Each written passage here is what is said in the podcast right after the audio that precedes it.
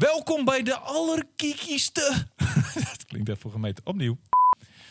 Welkom bij de meest geeky podcast van Nederland. Superpower Unlimited. We gaan het vandaag hebben over Joker. We hebben alle drie, alle mensen aan deze tafel, hebben de film al gezien. En hebben daar een hele ijzersterke mening over. En we gaan het hebben over Spider-Man die terugkeert naar het MCU. En ik ga het daarover hebben met niemand minder dan Dennis Mons, de wonderspons. Heyo. De grootste Star Wars-hater van het universum.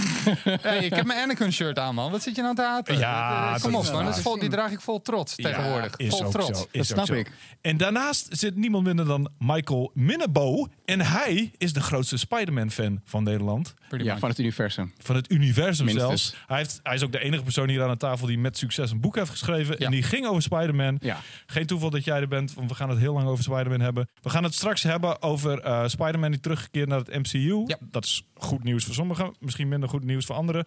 En we gaan uitgebreid praten over Joker en wat we ervan vinden. En of het echt zo'n fantastische film is.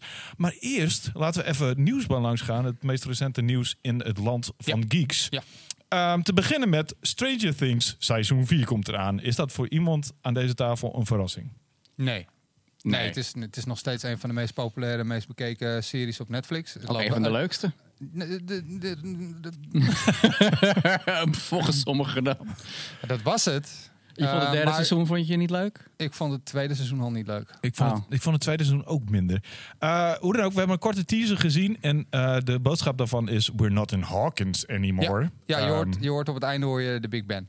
Dus waarschijnlijk is het Londen. Ja, of, het- of het is een of ander Amerikaans stadje waar ze toevallig een nep Big Ben hebben staan. Want dat, dat doen die Yanks ook graag. Ik vind het heel gek, want we zijn daar net achter gekomen. Eh, Matthijs, onze videoproducer, die kwam even langs en die eh, liet het horen. En we hadden zoiets van: Oh ja, dat is best wel obvious. Maar ik heb het echt nergens op internet langs Nee, gekomen. nee. En mensen hebben echt zoiets van: Nou, waar zouden ze heen gaan? We weten dat eh, Joyce, oftewel Winona Ryder, eh, aan het eind van seizoen 3 ging verhuizen. Waarheen was niet duidelijk. Ja. En nu zou het dus best wel eens kunnen. Tenminste, je, je, misschien hoor je het hier voor het eerst. Zou het wel eens kunnen dat ze naar Londen. Waarom zouden ze naar Londen verhuizen? Het is gewoon iemands ringtone of zo. Ja, maar is het een verhuizing? Is het niet, Ja, is het niet, is het niet ook gewoon, kan het niet ook gewoon een, een freaking vakantie zijn? Want Oh, net zoals Spider-Man. Nou ja, laten we eerlijk zijn. Eh, in het derde seizoen eh, was het allemaal eh heutel de kneutel eh puberliefde eh, gebeuren. Eh, misschien gaan ze met z'n allen afleveringen, op, op, ja. op, op, vakantie en dan eh, komt die, die, die, die zwarte meuk komt erachteraan. Far From Home, maar dan voor Stranger Things. Ja, het zou kunnen. Ze verdienen wel een vakantie, dat moet ik toch wel eerlijk toegeven. Ja, dat is wel een feit. Daar heb je wel een goed punt. Wanneer, eh, wanneer de serie komt, of het eh, vierde seizoen van Stranger Things komt, we hebben geen idee. De eerste twee die kwamen rond Halloween, maar eh, de derde die kwam gewoon ergens in de zomer. Dus de Duffer Brothers die doen gewoon wat ze willen. Dat zijn Ja. de, de makers, ehm, de creators. Ehm, het zou ook wel eens kunnen dat in ieder geval de Duffer Brothers niet meer lang eh getijd zullen zijn aan, aan deze serie. Want ze hebben een nieuw contract met Netflix getekend voor nieuwe series en ook voor nieuwe films. Ja. Eh, ik vermoed dat die nieuwe films en series ook een ethisch stijltje krijgen. Wat denken jullie? Zou kunnen, maar ze heeft eh, we niet inmiddels al in de 90s zo'n beetje, ook voor Stranger Things. Die kinderen worden steeds ouder. Ja. Ja. Dus, en ik denk ook dat eh, de 80s revival is misschien ook wel een beetje op zijn retour inmiddels. Ze hebben de jaren 80 niet genoeg geplunderd. Niet dat ik het erg vind, want ik ben opgegroeid in die tijd. En ik ben zo'n arrogante lul. Ik wil de rest van mijn leven wel in mijn, in, mijn- Nee, in, mijn- in, mijn- in mijn jeugd blijven rondhangen, bij wijze van spreken. Me ook prima. Maar, maar Dus, ik dacht met ja. Captain Marvel gingen we al naar de 90s. En toen dacht ik van, hé, hey, dit zou ook wel eens een nieuwe... Het is, het is altijd zo'n cirkel. Er is altijd een, een cirkel waarbij de 80s en de 90s weer terugkomen, de 2000s. En dan houdt het weer een beetje op, want alles daarna is eigenlijk een beetje niks zeggend, laten we eerlijk zijn. Ja. Nou, alles Ehm, daarna is een soort reflectie van wat er voorkwam. Ja, daarom. soort echo uh, ja, dus- eh, eh, precies dat dus, exact dat. En eh, ze- we hadden het vorige keer nog over Save by the Bell natuurlijk, eh, waar, een nieuwe, waar een vervolg op komt. Ja. En eh, nou, nou ja, goed, Baywatch werd in één keer een remake van gemaakt. Dus ja, misschien gaan we wel eh, full on 90s nu. Maar wat, Oh, dan kunnen we weer fluor dragen.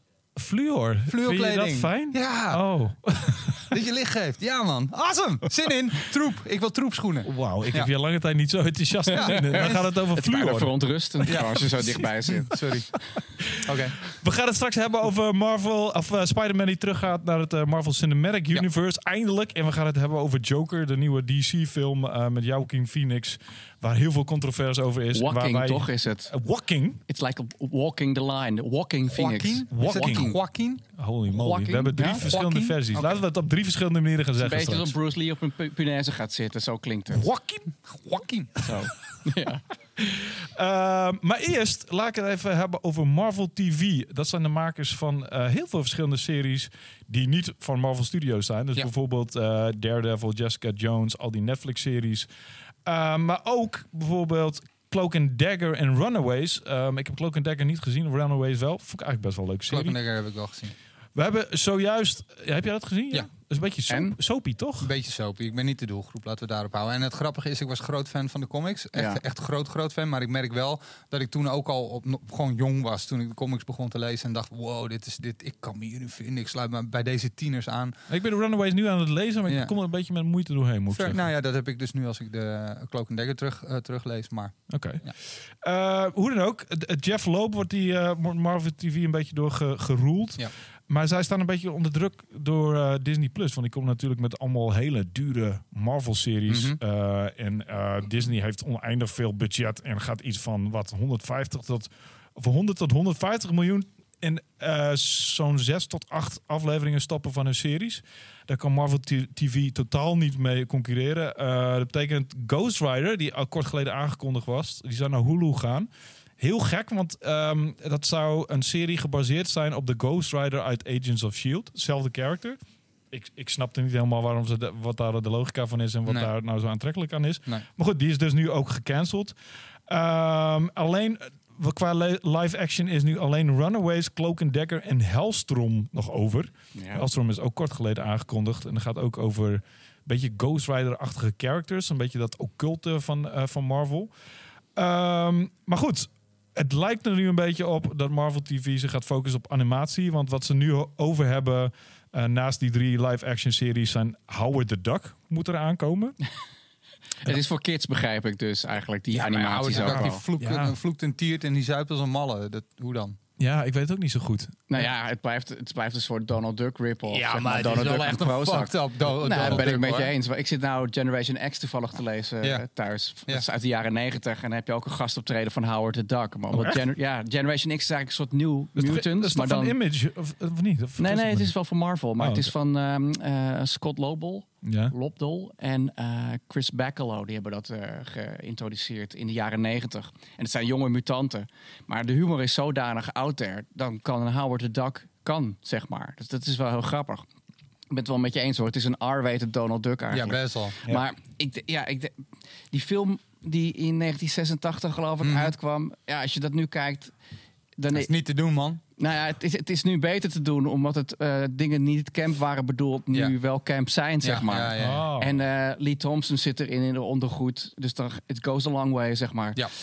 Eh, omdat, maar het is, het is ja, ik, hoe ze daar een tv lopende tv-serie van gaan maken, dat lijkt me ook een Geen wonder. idee. Nou ja, ik vind, ik vind hier nog wel radere titels bij staan. Modoc snap ik wel. Dat is de murder, nog wat. eh, hoe heet- hoe heet- wat is ook, wat staat hier afkort? Als jullie dat weten, dan ben ik daar heel erg onder de indruk van. Nou, het is net zoiets als Shield, het is ook elke, dat kun je ook niet Nee, dat is ook lastig. goed De- opnoemen, zeg maar. De home, nog wat. Anyway, ehm, eh, die, dat is, hij is een beetje de leider van, van AIM, toch? Van, eh, ja, en- en, hij, heeft, hij heeft dat rare Hij heeft een, ding hij om heeft zich een, heen. een soort, het is een soort bal met korte armpjes. Het is Ja, leuk als hij tegen de Hulk gaat vechten. Dan is hij heel erg grappig. Ja. Hij is echt een van de weirdste vijanden van heel Marvel-universum. Hij is ook een van de weinigen die goed in een Happy Meal ei past, zeg maar. dus weet je, daar, daar zie ik wel weer potentie. Ja. Eh, dan hebben we Hitmonkey. Nou, weet ik niet eens wie dat is. Ik had me- misschien even mijn research moeten doen, maar ik heb geen idee wie Ik denk dat dat is. het een hit or miss monkey wordt, denk ja, ik. dat- eh. ik denk vooral mis. En dan hebben we Tigra en, en Dazzler. En Tigra is een beetje de eh, cheetah van, van, van de Marvel. Ja. En Dazzler is die zangeres. Ja, die, dit is eh, eigenlijk Die, met van- die sparkles. Ja, Ja. ik vond haar wel tof. Zij is heel 90s ook. Eh, Ja, zij is wel heel... Ja, Ja, nou, ze is eigenlijk ethisch. Want eh, ze wilden, Oh ja. ze hebben Dazzler bedacht toen er nog, hoe heet het nou?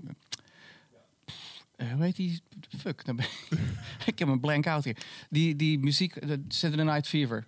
Oh, disco. Disco, thanks. Oh ja. toen, toen disco nog heel erg hot was, hebben ze Dazzler bedacht. En er zou ook een album uitkomen. Oh, Oké. En het idee was eigenlijk dat Dazzler zou de, zou de blanke Grace Jones worden. Oké. Dat was het idee van de strip. Maar tegen die tijd dat die strip klaar was, hadden ze het album al laten zitten. En Disco was ook al dood.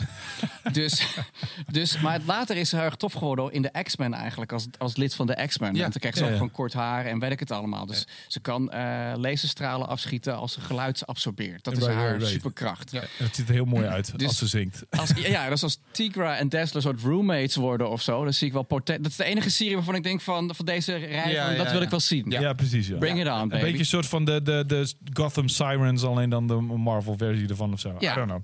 Maar in ieder geval, eh, eh, die series die moeten dan samenkomen in een, een overspannende serie eh, genaamd The Offenders.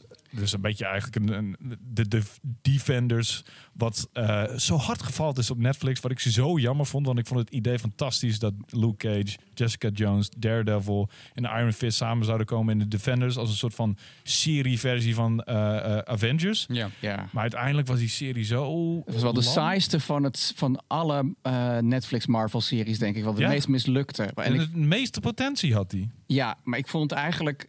eerste seizoen van Jessica Jones vond ik goed. Tweede vond ik al eh, wankel. De derde heb ik uitgezet na Ja. twee afleveringen. Ik denk, nou, hier ga ik mijn tijd... moet nog 13 afleveringen, fuck Ja, it. ga ik niet meer doen. Snap ik, snap ik. Ik vond eigenlijk eh, Iron Fist 2 heel goed gedaan. En de Ja, eerste was heel cool. saai. Ja. Maar Maar Iron Fist 2 was echt heel tof. Die was veel Goeie beter qua cinematografie en qua. eh, Opbouw eh, van het verhaal en de bijpersonages waren eigenlijk de boeiendste. Maar goed. ja, de Eh, choreografie was ook veel beter van de gevechten. Was dat er Ja. veel beter uit. Ja. Maar ja, Daredevil blijft gewoon de ongekroonde prins, denk ik, van die hele reeks. Alle drie de seizoenen waren eigenlijk wel heel goed. Ja, nou ja, hoe ja.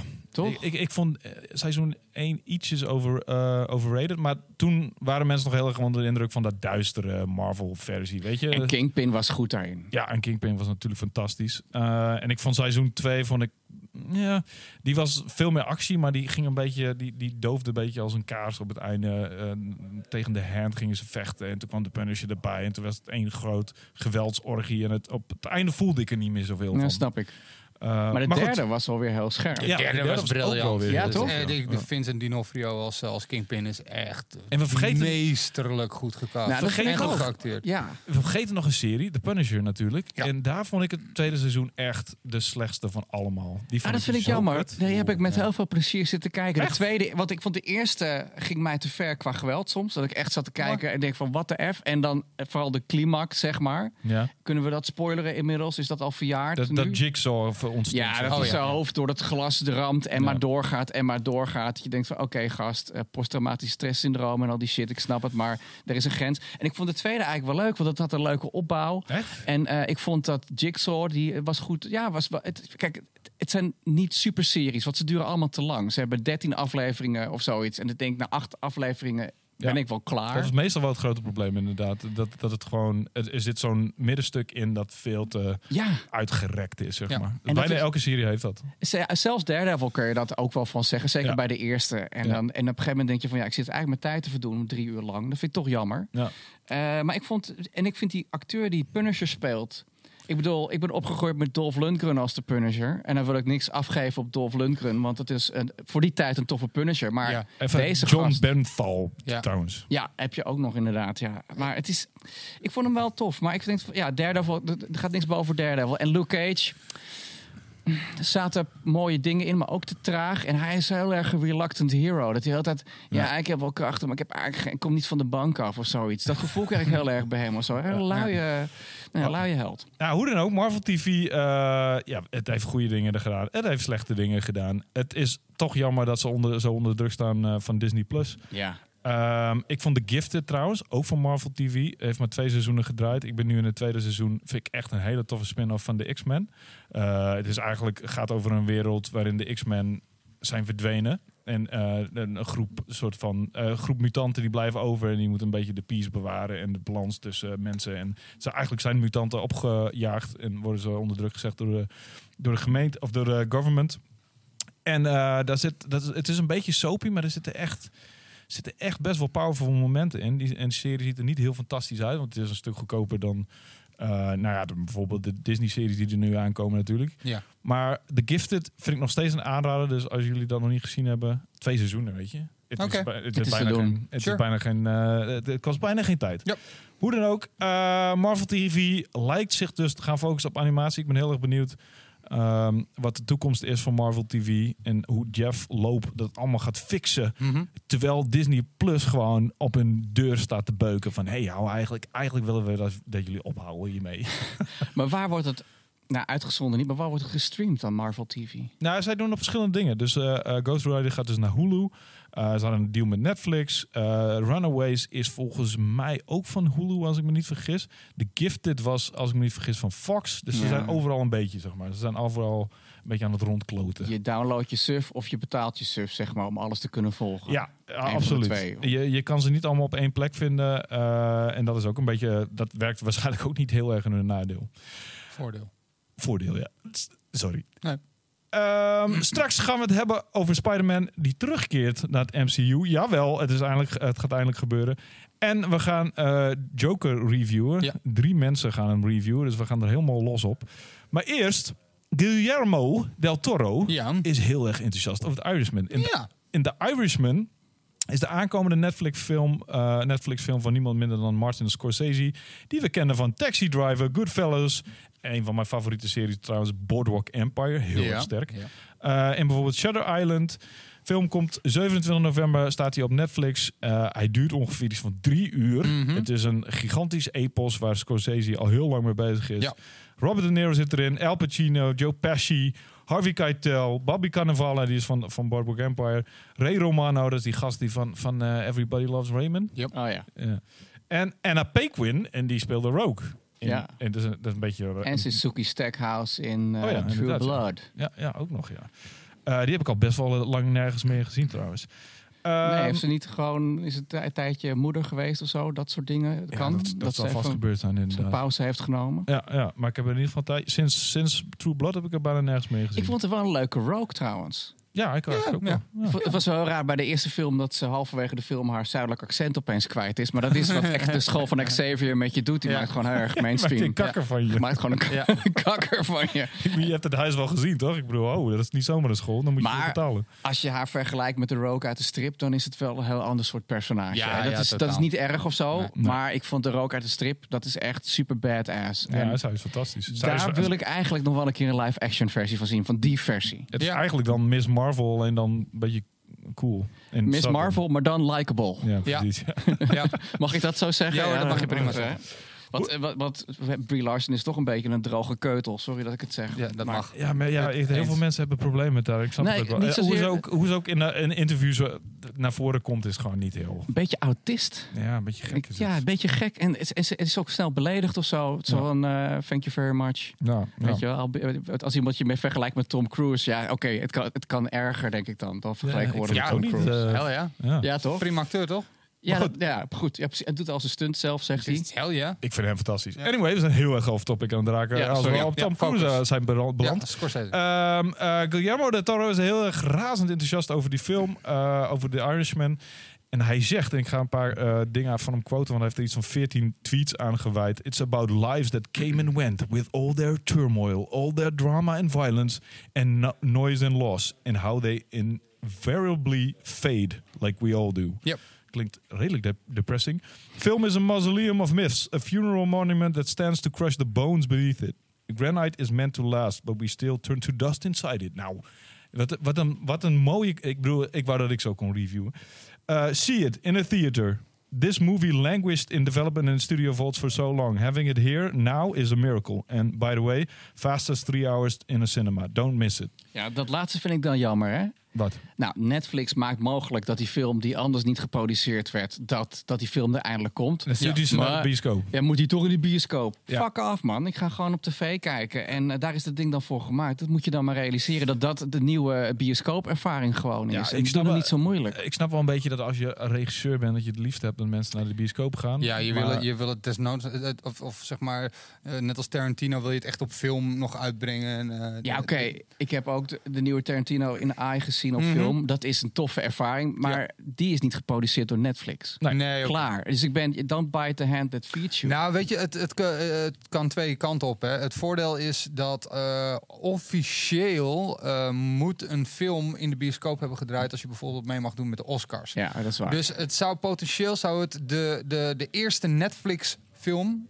kunnen worden die Oscar wint. En dan moet hij Nou, wel één, één week draaien of zo, zoiets. Zoiets, ja. Ja, nou, dat- is wel publicity waar je... da- Dan heb je wel zoiets van, nou, doe, maar maar, laten doe we- maar alle twee dan. En, en, en die film wordt echt wel gekeken, want Scorsese is een, een regisseur van een, eh, enorme grootte, zeg maar. De- het is een legende. Ja. Dus er zijn gewoon genoeg mensen die zeggen van, kijk, check die cast. Het is gewoon Goodfellas. Ze zijn allemaal weer terug. Ze zitten allemaal weer terug in één film. Ik voel me een beetje een asshole dat ik hem vra- vaak door de war haal met Francis Ford Coppo- eh, Coppola. Nou, dat- Nou, het is wel dezelfde generatie. Ja. Ja, en hij heeft ook, eh, Francis Ford Coppola is natuurlijk van Godfather. Ja. Maar Goodfellas, Godfather, ik vind het eigenlijk bijna op hetzelfde niveau. Of ben ik dan echt heel erg aan het vloeken? Heel, Nou. een heel ander soort film, hoor. Maar Scorsese Ja, heeft nog niet een Apocalypse Now gemaakt, vind ik. Dat is een film van een bepaalde grootte. Ja, true. En dat is eigenlijk geen film meer. Dat is... Iemand heeft geloof ik ooit gezegd, het is of, of je zelf in Vietnam zit. Dat vind ik een beetje overdreven. Wat, maar goed, het is wel, dat is echt zo'n gave film. Ja. Ja. En ook een hele nare film eigenlijk. Omdat je, nou ja goed, weet je ook, ook de productie ervan Ja, de act- heel naar. De acteurs die hebben echt geleden Ja, tijdens ja, die ja. opnames. En dat op, het zijpelt er doorheen. En daardoor maakt het die film eigenlijk extra briljant. er zijn Ja, nog echt ja. iets van 15 documentaires over gemaakt over Ja. hoe kut die opnames wel Heart of. Darkness is de beste daarvan. Dus Ja. die, die is ook eh, gemaakt met eh, materiaal wat zijn vrouw volgens mij gedraaid Ja, heeft toen de kunnen- tijd. Ja. En dat is echt, ja, dat is toffe aan sommige films. Dat die legende is eigenlijk bijna net zo groot als de Ja. film zelf. Maar dan wordt die film nog toffer van. Ja. Ja. En ik snap wel Del Toro als hij zegt van, hè, je moet het in bioscoop zien. Een, Netflix-film blijft een Netflix-film of zo. Het- Ja. het- er zit toch ook een beetje een luchtje aan soms. Want die Ja. meeste original van Ja, Netflix zijn, eigenlijk niet zo original. zijn- nee, en ze zijn ze er heel slecht heel vaak, ja. Ja. Ze zijn vaak eh, slecht. Maar ik zag laatst Jeepers Creepers 3 te kijken op Netflix. Why? Ik vond twee best wel tof trouwens. nou, omdat ik er zin Twee in had. Ja, en ik goed. vond hem echt super tof. Wauw. Om, om, want ik zit... Nee, ja, 1 en 2 vond ik... Maar goed, ga door. Nou, is, omdat- is, is die ook door de Netflix geproduceerd? Nee, nee, dat niet. Maar hij staat, Oh. het, ze hebben volgens, volgens mij is het van Splendid Film. En ze hebben een soort pakket van Splendid Film eh, aangeschaft. Want ze hebben ook Maggie erop staan met Schwarzenegger. Mhm. Die heb ik van de week gezien. Die kan ik iedereen van harte aanbevelen. Ja, als die je vond hem ik ook wel wel zien. Die vond ik ook wel Die goed, ja. gezien. Maar dat, dus dat, maar, Het is toch over zombie meisjes, Ja. hè? ja, het, het, het toffe is, zijn dochter krijgt het zombievirus. Hoe maakt even niet uit. Nee. En het is eigenlijk een klein familiedrama. Wat, heb je, wat doe je als iemand ongeneeslijk ziek is Ja. Mhm. en de klok tikt? Ja. Nice. En dat is eigenlijk... En, Ar- en Arnold is echt steengoed in die film. Ja, ja, eens. Het Maar is dus- een hele, hele gelaagde film voor een zombiefilm. Want het klinkt dan heel Ik helemaal- maar waarom- het is echt heel... Waarom zie ik dat niet langskomen in mijn, in mijn, eh, ehm, op mijn Netflix, zeg maar? Ja, dan, moet je, ik de- dan moet je minder eh, TMZ-achtige documentaires kijken. En dan krijg je gewoon goede shit Ik voorgeschakeld. kijk geen documentaires. Ik kijk, ik kijk de, de laatste tijd kijk ik de hele tijd naar Big Bang Theory. Waar ik me terecht voor Nou. schaam. Dank u. Ja, en Ja, dat, is, en terecht, dat, is, wel- dat is wel goed dat je het terecht terecht. ja. Maar, maar wat ik wil zeggen, Jeepers Creepers is dus een heel vermakelijke, eh, vermakelijke creature feature. Ja. Het is goed gedraaid. Ja. Je weet wat je kunt verwachten, maar het wordt goed afgeleverd. Dus het is eigenlijk een goede... dat is niet, niet goed aan een horrorfilm, toch? Als je weet wat je kan verwachten. Nou, bij dit soort films wel. schrik-effect een beetje vanaf, zeg maar. Nou, ik had de, de avond ervoor Heredity gekeken en de dag daarna dit. Want ik ben een beetje in, in de horrormodus, want het wordt oktober. Ah, dan Ja. moet je Midsommar ook kijken, Ja. natuurlijk. Ja, die moet ik nog... eh, die heb, ik ik weet niet of ik die al gezien heb. Die is niet, niet heel erg een oktober Zullen eh, we, horrorfilm. zullen we daar een review over doen? Want die heb ik dus eh, gisteren gekeken. Oh nee, dat kan niet. Dat kan, we zijn Maar goed. weer off-topic aan het raken. Ik, wil heel, ik ben heel benieuwd wat je daarvan vindt. Die heb ik want nog niet eh, die gezien. eh, deed het niet hoor, voor me. Nee? Oké. Nee. maar- Midsommar niet? Maar Heredity... Oh my god. Eh, ja, die wel. Die vond ik fantastisch. Ja, maar ik vind dus zowel Heredity als Jeepers Creepers... dit is een andere categorie soort film. Maar het is allebei... Je vermaakt je kostelijk, Zeker, zeg maar. zeker. Ik wil, ik wil trouwens niet bij de hand doen als host, maar het is Hereditary. Oh, sorry. Nee, corrigeer me vooral. Hereditary. Zei- Wat zei ik dan? ja. Eh, Heredity. Ah, dat is echt helemaal fout. dat is goed dat je me daarop wijst, ja. Wat zat er in die koffie, goddammit? Ja, Het betekent erfelijk, betekent ja, het ja, ja precies. Maar, maar even terugkomend, ook nog even dan een, voor mij een hamvraag. Eh, eh, gaan jullie naar de bioscoop of gaan jullie hem op eh, Netflix kijken? Ja, nou, ik ga naar op Netflix kijken. Ja. Ik zeg, eh, fuck Del Toro, ik ga gewoon op Netflix kijken. en het is drie uur, dan kan ik mijn eigen plaspauzes inlassen. Ja, dat is goed. En ik kan mijn eigen chips meenemen en zo, Ja. weet je wel. ik, Prima. doe, ik neem altijd mijn- alles mijn eigen mee. Ik heb een picknickmandje en zo. Ook naar de bioscoop. Ja, ja hoor. Eh, Ja, jij bent die gast met zo'n kleedje met van die blokjes erop. Ja, en een kaarsje. Ja, dat vind ik wel, vind ik wel romantisch. Ja, toch? Gaan we samen een keer naar de film. Mooi. The Irishman, hij komt dus 27 november eh, naar Netflix. Ik vermoed dat hij dan ook in de bioscopen verschijnt. Ik weet niet hoe het zit met de release in Nederland trouwens qua bioscopen. Maar ik kan me niet anders voorstellen dat hij hier ook in de eh, bioscopen verschijnt. Nou, ik denk voor de Oscar doen ze waarschijnlijk gewoon een week in een paar, Ja, op een ja, paar precies. plekken. Heel oh, klein, in, in ja. Nederland bedoel je? Ja, nee, nee, ik denk in Amerika alleen Oh, ik maar. Voor denk de dat Oscar geldt alleen maar Amerika. Hij wil deze Ja, film Arjen wil hem sowieso. eh, gaan draaien. Ja? Ik weet niet En- of het, het gaat geen paté-release worden. Ik, waarschijnlijk. ik acht die kans klein. Ja. Eh, straks gaan we het hebben over Spider-Man terugkeer naar het MCU, waar we heel erg blij om zijn. En we gaan Joker reviewen, maar eerst nog even Star Wars. Want eh, Rise of the Skywalker komt eraan, of je het nou wil of niet. Uh, en we hebben um, Empire, een van mijn favorieten. Nou ja, volgens mij is het nog een van de weinige filmmagazines die er over is. En ook een heel erg uh, populair filmmagazine is het. Het is ook een fucking goed filmmagazine. Ja, jij, ik wel. jij en ik, uh, Dennis Mons, wij hebben het alle, allebei heel vaak gelezen. Zij hebben hem volgende maand op de cover staan. En dan hebben ze natuurlijk ook wat exclusives, waaronder twee afbeeldingen. Ja. En uh, een daarvan is een afbeelding van de Knights of Ren. Dat is die geheimzinnige groepje, die boyband van Kylo Ren en ja, die boyband. ik, ik, neem aan dat het allemaal boys zijn. Misschien ja. ben ik... Uh, Misschien dat Robbie Williams onder een van die maskers vandaan komt. Lijkt me leuk. Je weet nooit hè, met die, die gastrollen in, in Star Wars. Ik bedoel, heel veel mensen hebben een stormtrooper gespeeld. Daniel dus Craig was een uh, stormtrooper. Daarom, bijvoorbeeld. Volgens mij was de prins van uh, Engeland uh, zelfs een stormtrooper. Daarom. Dat is wel een van de beste niet. rollen van Daniel Craig. Ook met de meeste diepgang meteen in zijn spel. Layer cake was awesome, man. Anyway, ga door. um, in de andere afbeelding zien we Gasp. Een gevecht tussen Ray en Kylo Ren. Ja. Nou, hadden we al zo'n vermoeden dat die ging komen. En het zou ook best wel eens ergens aan het einde van de film kunnen zijn. Hoewel me dat dan ook weer een beetje leem blijft. En hoewel ik vermoed dat er heel weinig verrassingen in deze film gaan zitten. Omdat het een soort van mega fanservice film gaat worden. Ja, of niet? Denk ik dat het wel iets verrassender gaat zijn, gaat zijn dan dat Ray en Kylo Ren op het einde gaan vechten. Uh, hebben jullie enige vorm van speculatie in jullie hoofd over Rise of the Skywalker? Nee, er is zoveel nog nu dat helemaal opnieuw goed gebruikt moet worden na dat uh, fiasco. Dus de, ik, ik, voor Welk mij is fiasco het bedoel totaal je? Welke van de drie fiasco's bedoel je nu precies? Ja, vooral uh, die laatste. Maar uh, nee, er is totaal geen. Laten we eerlijk zijn. Dat is wel het voordeel van de, deze film die nu de opvolger wordt. Want jij zegt dat het een makkelijke, waarschijnlijk een makkelijke inkopper wordt met veel fan um, um, service. Ja, maar precies Ik wat denk- je zegt. Omdat ze het gevoel hebben dat ze allemaal dingen moeten lappen, moeten ze allemaal geschenkjes en, en, en moeten ze precies geven wat de fans willen. Dat is wat ze nu gaan ik doen. denk niet dat ze dat weten bij Disney wat de fans willen.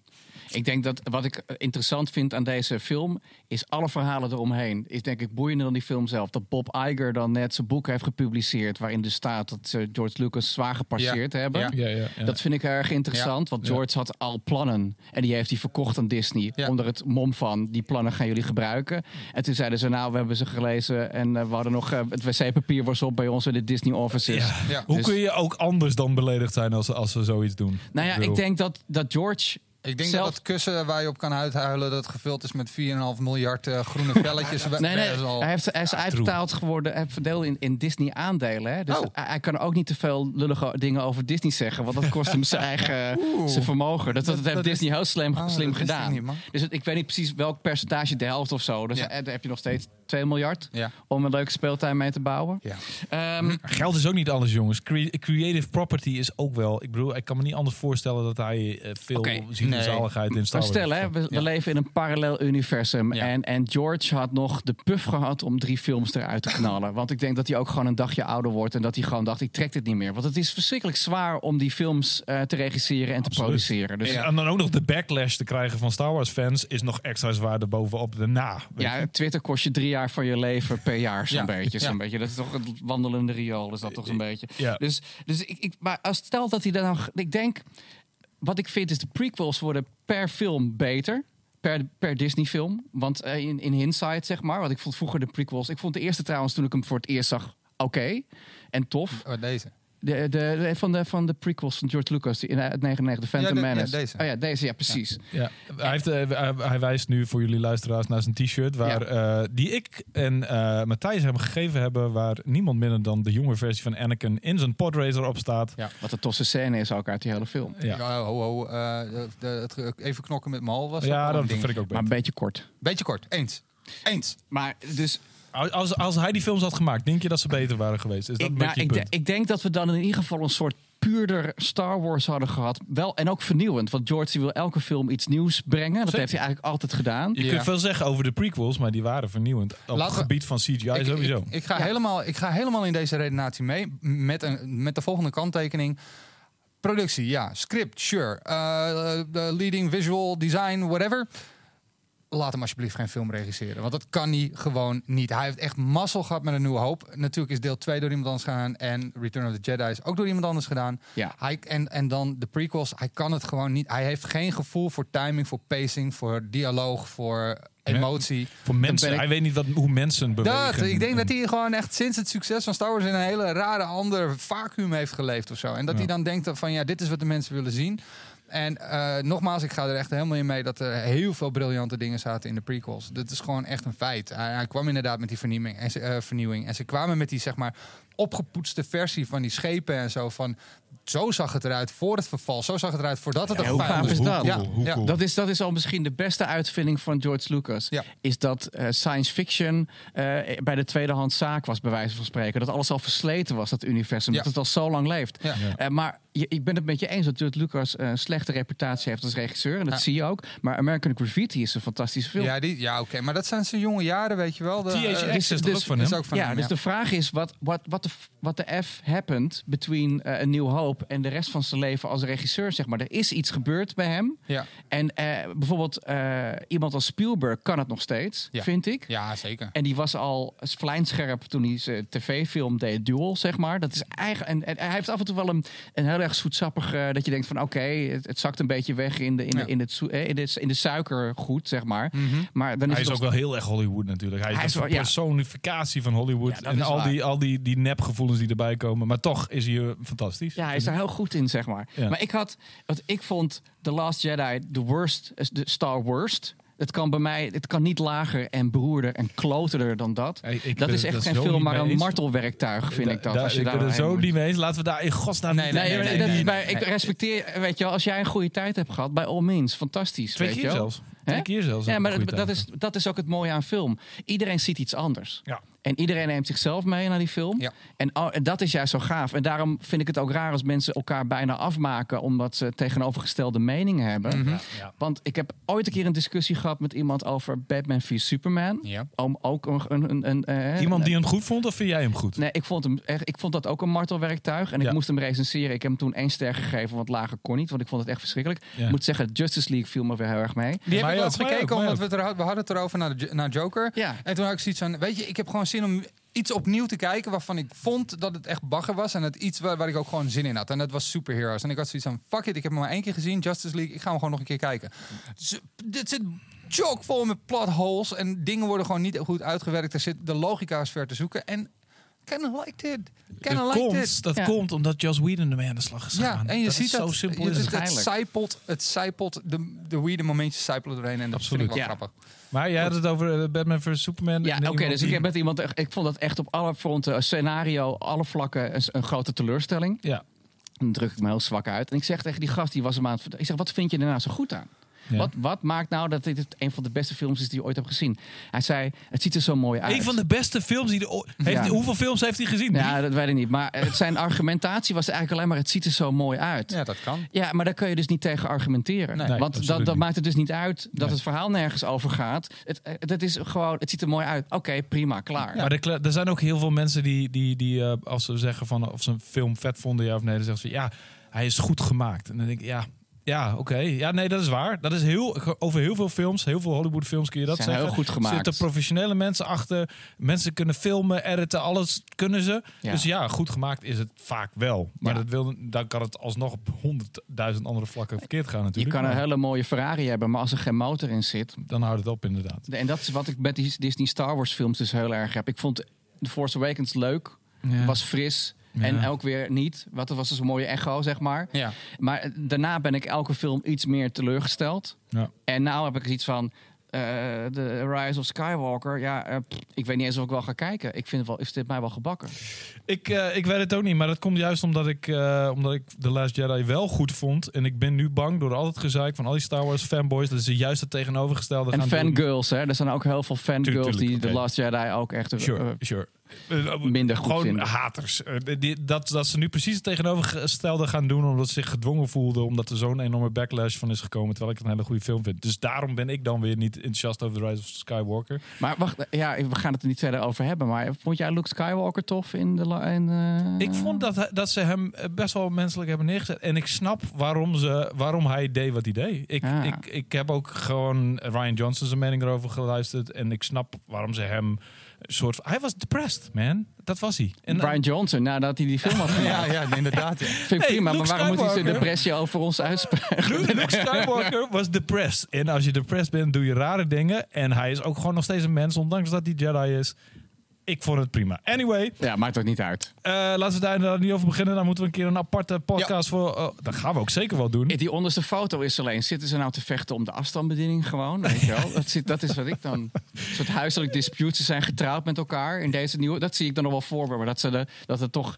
Dat, dat de vonken vliegen er vanaf, zeg Ik maar. heb, we hebben dit ook al eerder gezien, dat er zo de lightsaber zo tussen twee handen zweeft. En dat ze met, met Force battle met elkaar om een lightsaber. Dat hebben we toch ook in de Force Awakens al gezien? Jawel. In de Force Awakens deden ze dat toch ook? Nou ja, nou ja niet zij tweeën. Nou, anyway, laten we snel overgaan En naar breekt, een breekt de saber. Volgens mij heb je gelijk. Anyway, ja, sorry. Laten we snel overgaan ehm, naar een van de twee grote onderwerpen van vandaag. Ja. Hoewel we die andere onderwerpen ook al redelijk groot hebben gemaakt. Waarvoor dank. Ik hou ervan om uit te geeken. Eh, Joker, jawel. Ja. De nieuwe DC-film. Oftewel ehm, de film over Joker, de aardsvijand van Batman. Alleen dan over zijn oorsprongsverhaal. Hoe is hij de Joker geworden? Ehm, het is van Todd Phillips. En die gast die heeft de Hangover 3 gemaakt. En voor de rest niet zo heel veel bijzonders. Alle drie de Ehm, hangovers heeft hij gedaan. Heeft hij ze alle drie gedaan Ja, zelfs? zeker. Dat is wel een prestatie. Oké.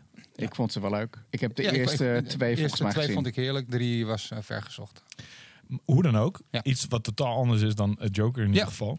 ja, Ja, ik say that ja, again. ja, En we hebben natuurlijk Joaquin, want zo hoor ik net dat je het moet uitspreken. Phoenix eh, van Gladiator en Her eh, bijvoorbeeld. En nog veel meer trouwens. Hij is echt een fantastische acteur- acteur. Ja. Hij speelt Arthur Fleck, oftewel Joker. Eh Stacey Beach zit erin. En ik ken haar van Atlanta, waar ik haar heel erg fantastisch in vind. Eh, zij speelt een karakter genaamd Sophie Dumont. Daar kunnen we verder eigenlijk niks over vertellen, want we gaan het hebben over Joker, maar zonder spoilers. Ja.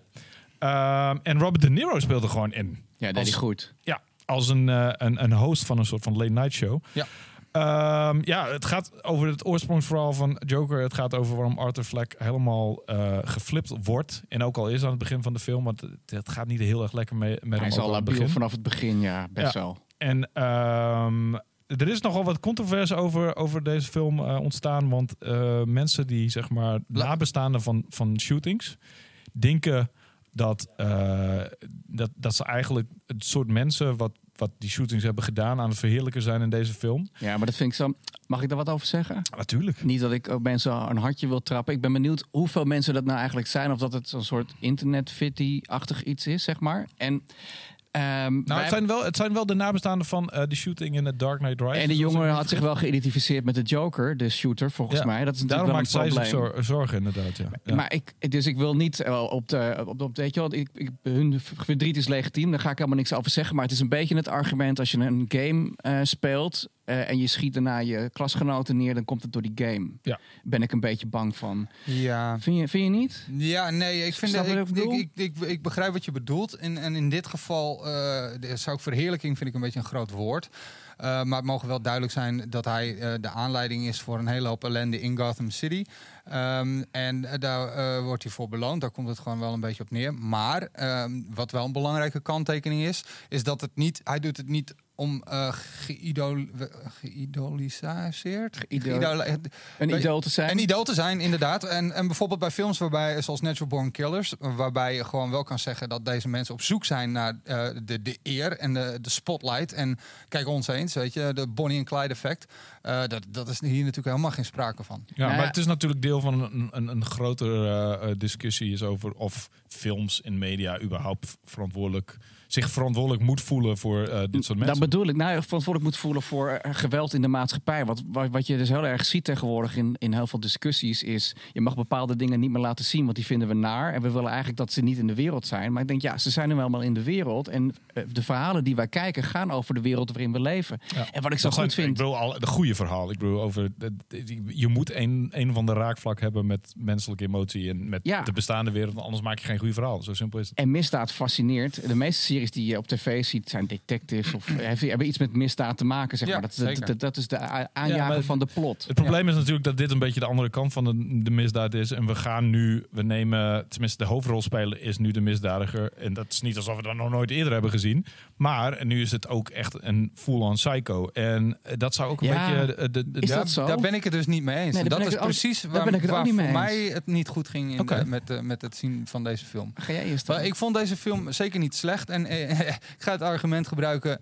Heel goed gemaakt. maar, eh, want het is ook gewoon zo. Het is echt een visueel spektakel. De shots zijn echt adembenemend. De muziek is Och. prachtig. Eh Mm. Joaquin Phoenix is echt briljant in die rol. Eh, Die ik moet vind een hem- Oscar. hij is sowieso, hij zit voor mij in het rijtje wel met, met, met goden als Daniel Day-Lewis, weet je. Dat is gewoon, die, die man, die, Eens. gaat, die duikt erin, die laat het niet los. Eh, die komt zelfs helemaal in zijn character, gaat hij naar talkshows en zo. Die is, die, die is, die is, hij is gewoon een beetje weird. Maar dat, dat past natuurlijk perfect in, bij deze film. Ehm, maar in, in, in dit geval, eh, wat een heel belangrijk feit is, eh, Philips heeft meteen van de get-go gezegd... We gaan Phillips, de regisseur. Ja, eh, Todd Phillips, de regisseur, sorry. We gaan niks met de comics doen. Nee. Niks. Helemaal Klopt. niks. Helemaal niks met de comics. Er zitten een paar raakvlakjes. Het is in Gotham. Duh. Eh, weet je, er wordt gerefereerd aan de Waynes. Het zijn allemaal geen spoilers. Zitten ook. Het is allemaal heel logisch. Ja. Eh, maar hij wil niks met de comics doen. En eh, in dit geval zie je eigenlijk iemand manisch depressief. nog veel meer psychische klachten zie je eigenlijk verzanden in, in, in zeg maar, het loslaten van het normale leven. Daar komt het op neer. En het, het- de charme voor de Joker voor mij is altijd geweest dat de Joker random is. Hij is random. Hij is, Hij, is, hij heeft geen achtergrond. hij is heeft geen- chaos in, in, in hij heeft precies night. geen beweegredenen. Er is geen ziektebeeld van hem. Er is geen. Hij, hij steekt stapel geld in de fik, zoals, eh, zoals in The Dark Knight, Ja, in The ja. Dark Knight. Eh, Ja. dat, is, dat is mijn Joker. Er moet altijd een. Haha, ik doe het omdat het kan, of dat ik er zin in heb. Of dat, weet je, soms ben ik heel lief, zoals tegen. Maar het feit dat hij nou een soort origin zou hebben, stoort jou. Ja, eigenlijk wel een beetje. En vooral deze origin. Vooral Ja, deze eh, eh, origin nou- die voortkomt uit een, uit een ziektebeeld, waardoor hij eigenlijk eh, eh, ontoerekeningsvatbaar is. Ja. En- ja, en dat, dat, ben ik niet, dat, dat weet ik niet zeker. Maar A, ik vind dit is een Joker, Ja. niet de Joker. Mm, ja. Dit is een soort Elseworld Sure, story, sure, sure, zeg sure, maar. sure, dus dat sure. maakt het voor mij al eh, heel Dat verteerbaar. is wat de DC nu ook aan het doen is. Ze Ja. maken een soort van one-shot. En het Ja. staat allemaal Wat los is Elseworld? Leg even uit Oh, wat Elseworld Elseworld is eigenlijk eh, buiten de continuïteit, de reguliere continuïteit van dit is in het Ja. leven van Batman gebeurd. Hebben ze allemaal alternatieve versies. En dat Ja. zijn one-shots. Dat zijn meestal één graphic novel is Ja. dat. Maar What, what if, zeg maar. Ja, eigenlijk een soort what if. En of eh, Batman in de Victoriaanse tijd bijvoorbeeld. Hè, zo, Ja. Dat soort dingen. Of Batman gebeten door Dra- versus Dracula. En dan wordt hij een vampier. Spoilers. Maar goed, die strip is al twintig jaar oud. Ja. Maar weet je, dat soort shit. En wat ik juist zo goed vind hieraan. De Joker is hier een metafoor voor de woede die heel veel eh, disenfranchised mensen... en dat zijn bijna iedereen die niet een dikke bankrekening hebben, zeg maar, zo langzamerhand. Daar staat hij, daar staat hij voor. Ja. En daar gaat deze film eigenlijk over. Dus het is eigenlijk niet eens letterlijk de Joker. Het is een, eh, een gevoel wat de woede die mensen voelen tegen Shell, tegen Facebook, tegen alle grote bedrijven. Ja. En eh, die metafoor wordt uitgevoerd à la 4 voor Vendetta bijna. Want ik vind dat die films wel wat eh, met elkaar te maken hebben, zeg maar. Mm. En daarom zie je bijvoorbeeld in deze film... alle rijken zijn assholes. Mhm. Iedereen is... Het is heel zwart-wit gesteld eigenlijk in deze film. En daarom is het... En daar, eh, als je, wat jouw argument was toen we elkaar spraken na de film... dat je, je, je voelde dat hij de knopjes aandrukte bij jou, bij de emoties. En ik snap dat, want Ja. het, is, het wordt wel heel makkelijk gemaakt. En dat vind ik ook aan de andere kant wel weer goed. Dat je altijd met, met hem meegaat. Je blijft sympathie voor hem voelen. Ja. En de climax van de film, waar ik dus niet, dat ik niet zal gaan spoileren, is wat je verwacht. En wat er misschien ook wel in werkelijkheid een keer gaat gebeuren. Want die, wat er zit in een soort snelkookpan. Ja. Alleen, dat is een oplossing die niks oplost. Het is een climax die dit probleem niet oplost.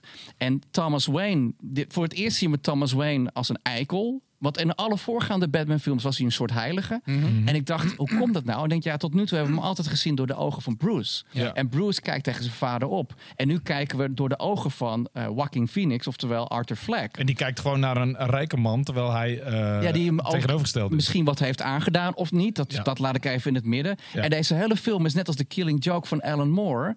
De Joker is een onbetrouwbare bron. Ja. Dus alles wat, hij, wat wij meemaken, en dat zie je ook letterlijk in de film gebeuren, dat dingen misschien niet ge- gebeuren per se zoals we het nu zien. Ja. Precies. En dat maakt deze film zo gelaagd en eindeloos fascinerend. Iedereen tegen hem doet alsof hij op Twitter zit. Iedereen doet lullig tegen hem, Ja. bij wijze van spreken. En dus dat is dat zwart-witte weer. Maar ik, ik kwam de bioscoopzaal uit en ik vond Avengers Infinity War is mijn favoriete film van dit jaar nog steeds. maar als ik, als ik, Endgame bedoel je? eh, Endgame, thank you. Eh, eh, want Infinity War is mijn favoriete film van vorig jaar. We zitten alweer in 2019.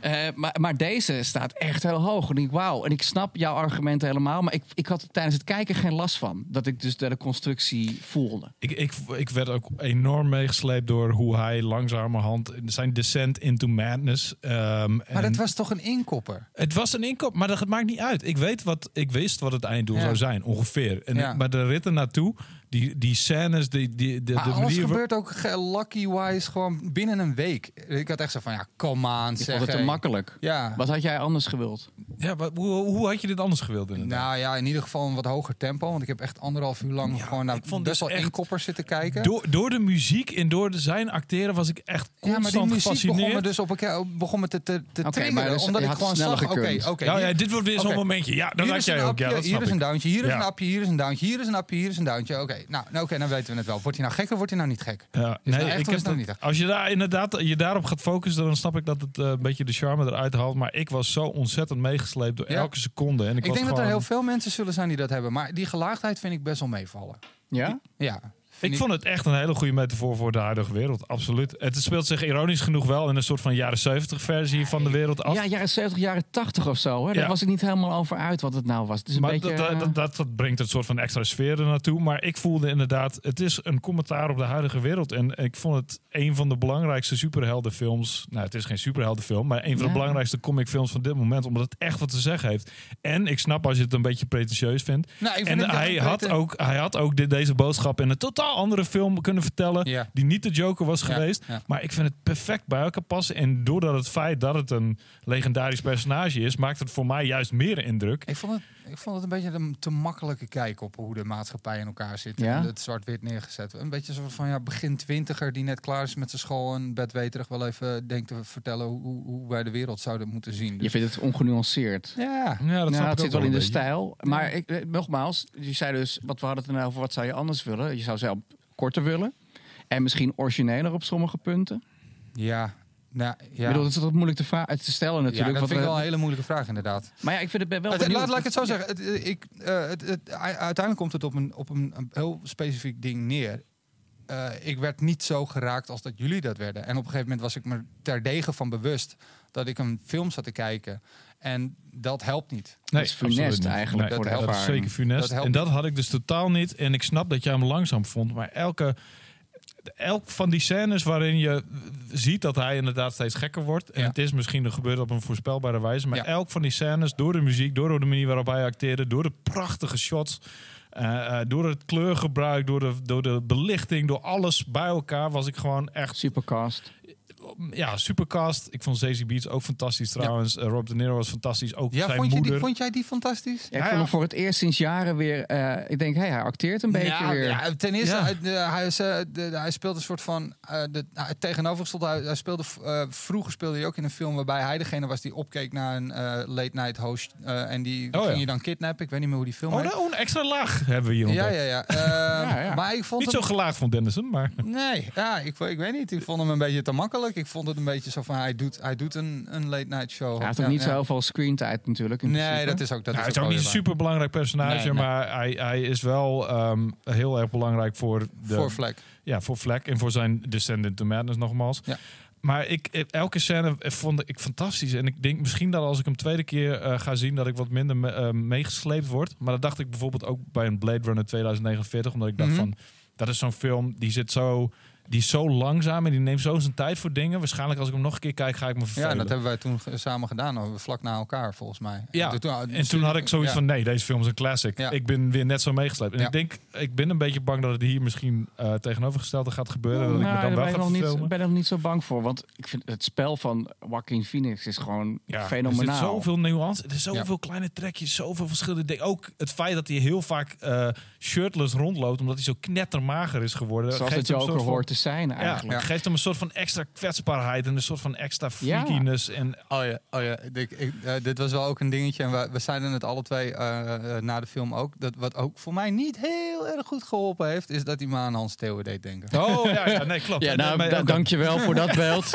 Sorry. Ja, daar, heb ik, daar was ik het inderdaad met hem over eens. Hij heeft een soort van de bewegingen in het vlassige haar, in de, Ja. in de soort van drugsgebruikerachtige eh, poses van, van Hans Theeuwen. En daar deed Sorry, hij me Hans, aan dat- denken. nee, dat is wel, dat, dat, Ja. ik zie dat ook wel nu, helaas. Oké. Eh, maar Dat, dat, dat, dat maakt- het voor mij eh, misschien eigenlijk nog wel beter, want ik ben gek op Hans Theeuwen. Nee, joh, weet je, het, ik, Ja. het- het- nogmaals, ik, ik, blijf erbij. eh, de, de film zit rete goed in elkaar. Het is ook niet alsof ik, eh, alsof ik een fuckfest vond. Helemaal niet zelfs. Het is gewoon niet de film die ik zocht, I guess.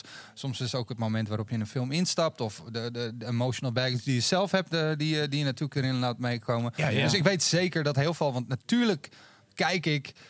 Als ik eruit kom en ik heb zo'n verhitte discussie met jullie en ik, eh, we beginnen over dingen, we gaan inhoudelijk ergens over, eh, over op in, dan kijk ik ook even op Rotten Tomatoes om te zien of ik niet knettergek ben dat hij op 99 staat en dat er een of andere eh, Nee. incel Nee, idioot nee, dat- dat- dat- zo'n reviewtje heeft Meningen zijn zeker verdeeld. Ja, nee, eh, nou ja, het is niet 50-50, maar, ehm, ik dat denk dat gewoon mooi. Heel veel mensen deze film heel tof gaan Ja, maar vinden. Maar het is, niet, het is wel een acquired taste. Je kan lullen wat je wil. Nee, maar dat sowieso. absoluut. Maar dat geldt al voor Joaquin Phoenix bijvoorbeeld. Ja, ja, en, en je gaat een film kijken van de Joker, wat inderdaad uiteindelijk een psychopaat is, zoals we hem kennen in alle incarnaties tot nu toe. Laat ik bij deze ook even, en ik, ik denk dat het heel erg belangrijk is, want dit is natuurlijk wel een review, laat ik eh, even een kanttekening erbij plaatsen. Dat als jij een fijn avondje naar de bioscoop wil en een Batman-achtige film, of wat dan ook, iets, iets wat lijkt op een Batman-achtige film of een DC-achtige film, vergeet dat absoluut, want dit is best wel bijna een filmhuisfilm. De manier waarop het gemaakt is, de manier waarop het tijd, tijd neemt voor de scènes. eh,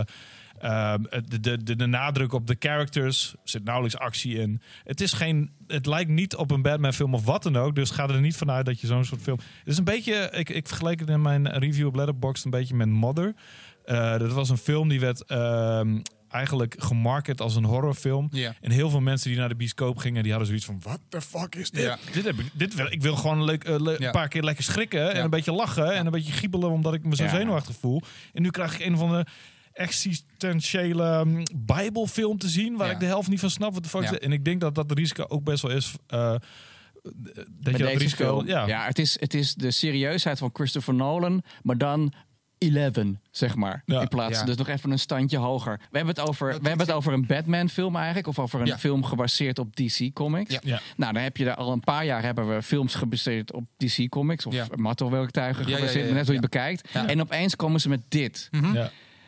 En dan is dit, het is echt drie stappen verder dan, dan Justice, Justice League of wat dan ook, zeg Ja. maar. En ik, ik bedoel, ze hebben ook wel goede films gemaakt. Ik Aha. vond Wonder Woman heel goed verteerbaar. Ik vond Shazam ook leuk. Shazam vond ik ook leuk, een goede familiefilm. Eigenlijk vond ik Aquaman echt zo balls out, extreem debiel dat ik die ook heel leuk vond. Ja. Die heb ik eh, nog niet gezien. Ja, dus, ik zou eh, die zeker even kijken. maar dus dan, is opeens, dan heb je opeens dit. Dit is inderdaad een soort arthouse versie van, Ja. van, van, de, van Gotham, zeg maar. En, dat, en dat, is, dat is wel, het is eigenlijk de Logan van, Ja, ik- van deze Ik, franchise. ik applaudisseer Ja, zeker. het, het zo enorm dat ook al had ik Dat is een goede vergelijking niet- trouwens. Ja, dat is een mooie vergelijking inderdaad. Ah, hij, gaat nog wel, hij is nog wel veel darker en veel dieper. Want Logan was nog best wel een beetje snikkerie snikt en maar wel, wel. Tuurlijk, dat was ook nog wel een actiefilm. Dat het geweld wel is echt bruut in deze film. Maar eh, Ja. ik applaudisseer Maar heel weinig. dat ze gewoon de bals hebben gehad om hier eh, budget voor uit te trekken. Deze film is op een gegeven moment gepitcht.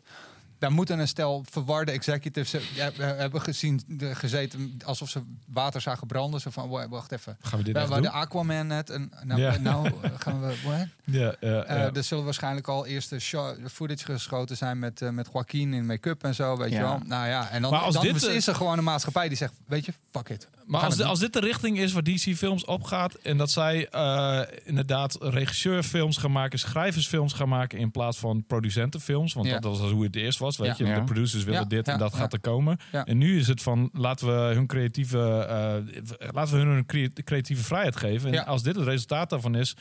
Ik ben heel erg excited over de rest, weet je. Over eh, James Gu- Gunn's Suicide Squad. Over de Birds of Prey. Over eh, wat er ook mogen komen. Nou, een hele belangrijke, de, de Batman. ja. Want die kan alle kanten op nu. En dat vind ik wel heel erg tof. Dat ik niet hoef te verwachten dat straks Robert Pattinson... die natuurlijk echt gewoon de inspecteur, de detective eh, Batman gaat spelen... Nice. ehm, die, oh, daar, heb ik, dat, dat, daar dat kan krijg ik een, rillingen dat van. kan een, dat gewoon me zo echt een oldschool slash actie slash misdaad thriller-achtig ding gaan worden. Hopelijk misschien met Court of Owls, wat een van de meest geschifte storylines is van Batman Ja, ever. die vind ik dus een beetje de overrated. maar goed. beste, Oh, ik vind hem echt ja. heel tof. Ik vind Ja? hem ook wel tof. ja, ik vind hem wel heel tof. Wat ik daar tof aan vond was... Zack, eh Zack Snyder, wil ik zeggen, Scott Snyder. Scott Snyder. Geen familie volgens Nee, mij. In nee. ieder geval niet qua talent. Nee. Sorry voor de Zack Snyder fans. want die zijn er ook. Eh, Give nou, me the Zack Snyder cut. Batman is dit jaar 80 geworden. Ja. Dus eh, Court of Owls is nu 6 jaar oud of zoiets. Zoiets, maar na, ja. na 75 jaar Batman met iets nieuws komen... wat hij eigenlijk toch gedaan heeft... Ja. en met Ja. een nieuwe visie op Gotham... en hoe dat in elkaar zit... Ja. dat vond ik echt goed eraan. Ja, en, en die tekeningen van Greg Capullo vind ik... eh, daar, daar dik ik mijn vingers bij af, zeg maar. Ja. En dat en Gotham... En toch vind ik niet dat het in de schaduw mag staan van een eh, de, de, de Dark Knight Returns of van een Hush of van een. eh, ik- Nou, ben ik, daar ben ik niet met je eens. Nee, ben ik ook niet helemaal Nee, en, en de mee. Killing, nee, dat ik denk, dat is inderdaad, het Killing Joke is, een, is eigenlijk een vloek. Dat was eh, een mazzeltje, dat, dat, hè, dat is ook een standalone verhaal. En de Dark Knight Returns. Ja, maar dat is geen mazzeltje, want dat is Alan Moore. En Alan Moore die, die poept Ja, die- goud. Ja, die, heeft ook wel eens een slechte dag. Ja hoor, nee, ik heb ze nog niet gelezen, maar ze zijn er vast, ja. Dus ja, ja, die heeft, en, en hij moet zijn mond houden over Stanley. Want daar weet hij echt helemaal niks van. En dan loopt hem altijd de badmouth op. op Echt? Ja, ik, zie- er zijn zoveel YouTube-video's van Alan Moore. Ja, Alan Moore is wel een hij- asshole, ja. Maar hij is, Ja, sorry, ja. het is wel asshole Ja. Moore. No, En, en zelfs, zelfs zit hij te zeiken op, eh, op Watchmen, terwijl het een van de tofste de comicverfilmingen ooit nou, is. dat is dus wel een goede Zack Snyder. Ja. Want Ja, ik wil niet gelijk. eh, ik, ik ben hier niet gekomen om te poepen op Zack Snyder. Want Oh, ik dacht echt dat wel dat in goede je films. uitnodiging stond. Wil je langskomen om te poepen op Jack- Zack Snyder? ah, voelt ja. Maar, maar goed, dat even. het is- Maar goed, dus eh, het Joker, ga hem zien. Ja, weet Ja. je wat het ding is? Het is ook gewoon... ehm, Ja, ga hem zien. Ik wil, ik wil andere meningen horen, man. Ik wil echt andere meningen horen. Ja, maar Als in van, van eh, de- vond je hem briljant zoals jullie of vond je hem Ja, maar los van hoe jij hem vindt. Dit is toch hoe, hoe comicfilms ook zouden moeten kunnen Ja, zijn. Gewoon absoluut. eh, de speciale creatieve uitspattingen Exact wat van... ik net zei. Ik applaudisseer eh, Ja. Warner Brothers. Wat ik alleen hoop, is dat ze dus de volgende makers of maker eh, inderdaad weer de vrije hand geven. Dat ze niet een soort, dat ze denken, oh dit scoort heel goed. Laten Ja. we zeggen, dat, want dit is misschien wel een Oscar-film of een potentiële Oscar-film. Ja. En wat ze bij Zack Snyder hebben gedaan, dat het een soort malletje wordt. Ja. Ze moeten dus, als dus hierna iemand een comedy wil maken met deze characters, by all means, weet je, Ja. doe dat. Ja, ja, ze moeten nu gewoon echt enorm vrij omgaan met hun eh, franchises. En dat, het Ja. lijkt er alsof ze dat aan het doen zijn. En Ja. ik eh, vind het fantastisch. Ehm, hoeveel van die klapperende, lopende tanden uit de vijf geef jij aan ehm, Joker, beste Dennis Mons? Drie. Drie van de vijf klapperende, lopende opwindtanden. Sorry jij? mensen. Jullie Ja. mogen me haten hoor. Maar, eh, Nee, komt- waarom? Dat Nee, mag je drie van de vinden, vijf is, man? goed, is een oké film. Ik snap, ik snap Ik, je ja, ik, argumenten. zei, ik snap dat niet als mensen iemand een eikel vinden omdat hun mening niet overeenkomt. For Christ's sake, Nou, man. behalve Wouter, want nou ja, goed. Nee. Ja, ik geef hem vijf. eh, Ja. want ik vind hem echt steen goed. En het gekke, weet je wat het gekke is aan deze film ook? Ik snap dat jullie hem vijf sterren geven. Ja. Ik, Ja, ik geef hem. Ja, oh, jullie. Je zegt, ik, ik heb het nog niet gegeven, maar inderdaad. Ik Oh, ook ja, vijf. nee, maar, ik ook eh, vijf, je- vijf klapperende ik- tanden van de vijf. Had, ik absoluut. had het je al horen smoezen. Nee, ik vind het super tof. Ik heb eh, gewoon een aantal vrienden die, die echt nooit van zo lang zal ze leven naar een, eh, een superhelden-related film zouden gaan. Echt van die typische filmhuismensen. En die zelfs tegen mij zeggen van nou, weet je, ik ga, ik ga deze film wel even checken. Ja. En dat is best wel gek, want die dude van de Hangover heeft hem geregisseerd. Ja, Ja, cool maar even, even, even, de andere dude van de Hangover, die volgens mij eh, een schrijver is van een van de Die heeft ondertussen Chernobyl, Ja, Chernobyl, Chernobyl. Ja, gemaakt. Chernobyl wou ik zeggen, maar het is Chernobyl. Ja. Dus eh, de Hangover mensen zijn lekker bezig. Ja, eens. Eh, nou, laten we nu eens hebben over Spider-Man. Ja, Want die, daarvoor, moeten we, die moeten we zeker even... eh, ja, dat daarvoor is Michael Minnebo natuurlijk hier aan de... eh, hoewel je ook van al die andere dingen duidelijk verstand hebt. Nou ja, ik heb overal een mening over. over verstand. Nou ja, precies. Een mening is voor ons ongeveer hetzelfde als verstand hebben van. Je bent duidelijk een geek. Maar eh, we hebben je uitgenodigd omdat we het graag over Spider-Man willen hebben. En jij bent de persoon om het met, eh, over Spider-Man te hebben. Want Spider-Man, oftewel Tom Holland, oftewel Peter Parker, oftewel Tom Holland's versie van Peter Parker, ja, gaat laten we het gewoon, zo noemen. Ja, gaat gewoon doodleuk terug naar het MCU. Het was allemaal drukte over, want eh, het leek erop dat de deal tussen Sony en Marvel niet meer door zou gaan en dat eh, Tom Holland, oftewel Peter Parker, uit het MCU getrokken zou worden. Dus uit de films van Marvel Studios over ehm, de Marvel-helden. En dat hij eh, alleen maar in het Sony-universum mocht plaatsvinden. Of in het Plaatsnemen. Venomverse, zoals het tegenwoordig ook wordt genoemd volgens mij. Precies. En we dachten allemaal dat dat ook best wel zou kunnen gebeuren. Want Venom heeft natuurlijk best wel goed gedaan. Laten we even duidelijk maken. Ehm, in feite is Spider-Man... De filmrechten van Spider-Man liggen bij Sony. Ja. Ja. Dat is hoe het is. Voor nu en tot in de eeuwigheid. Tenzij ze niet binnen elke vijf jaar een Spider-Man-related movie. Ik geloof vijf jaar is het Ja. volgens mij maken. En dat kan dus ook Tante May gaat uit Bolen zijn, eh, bij wijze van spreken. Dat is dan ook een Spider-Man-related als dat movie. met eh, Marissa Tomei is, dan vind ik, nee, ik ga hem kijken. Ja, ja, dat snap ik. Tante weg gaat bowlen, yay! ik misschien, moeten we het, misschien moeten we het gaan pitchen. ja, ik vind, ja, ja, ja. De Spider-Man-rechten, de filmrechten van Spider-Man liggen eh, bij Sony. Dat is ergens in de jaren 90 gebeurd toen Marvel... eh, 98, ja. 98 is dat gebeurd toen het niet zo lekker ging met Marvel. En die al zijn rechten, bijna al zijn filmrechten heeft verkocht. Bijvoorbeeld X-Men ging toen naar Fox toe. eh, en de Spider-Man rechten gingen naar... eh, of tenminste, niet alleen de X-Men rechten. De hele mutante filmrechten gingen naar Fox toe. Ja. Eh, en eh, Spider-Man ging daarbij naar Sony. En toen kwamen er een aantal films uit. De Amazing Spider-Man-serie ging niet zo heel erg lekker. Tenminste, die scoorde nog steeds best wel hard. Maar inhoudelijk waren ze niet zo goed. Inhoudelijk waren ze niet zo goed. En het was net even binnen, beneden de pijl die Sony had verwacht. Dus hebben zij de hulp ingeroepen van het eh, MCU eigenlijk. Van Kevin Feige in consorten. En die hadden zoiets van laten we samen gewoon een film maken. Dan Ja. komt het vast goed. En dat hebben ze gedaan. En eh, eerst kwam Civil War natuurlijk. Daarin werd Tom Holland ge- geïntroduceerd als zijnde Spider-Man. Hebben ze erg goed gedaan. Ho- hoewel het wel een beetje duidelijk was dat het de eerste planning niet helemaal was van Civil, Civil War. Het was een beetje ingestout. Maar ik vond het fantastisch. Ik was helemaal aan boord. Sowieso is Civil War een van mijn favoriete eh, Marvel films. Ehm, en vervolgens kwam eh, Spider-Man Homecoming. En dat was een ironische titel, want Spider-Man kwam terug naar Marvel. Wat, daar kwam het eigenlijk op neer.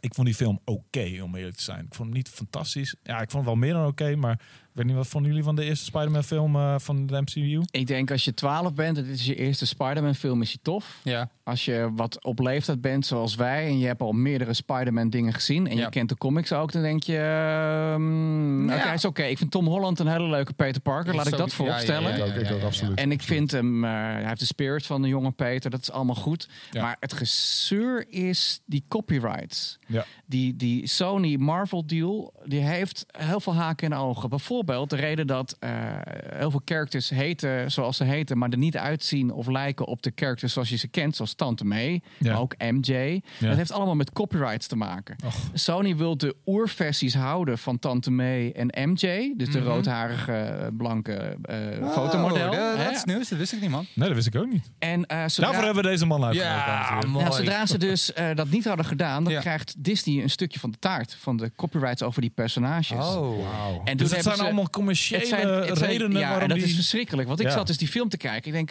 wat de F is dit? Ja. Waarom MJ is niet? Dit is niet MJ. Waarom noem je er, ze heet wel Michelle Jones, maar ze heet dan MJ? Ja, maar Waarom- het is, het is ook niet zozeer haar, haar uiterlijk. Het is gewoon haar hele personage. Het is een heel ander niet- personage en net en weet ik het allemaal. Weet je, al die personages. Maar dat heeft dus allemaal te maken met die stomme copyrights.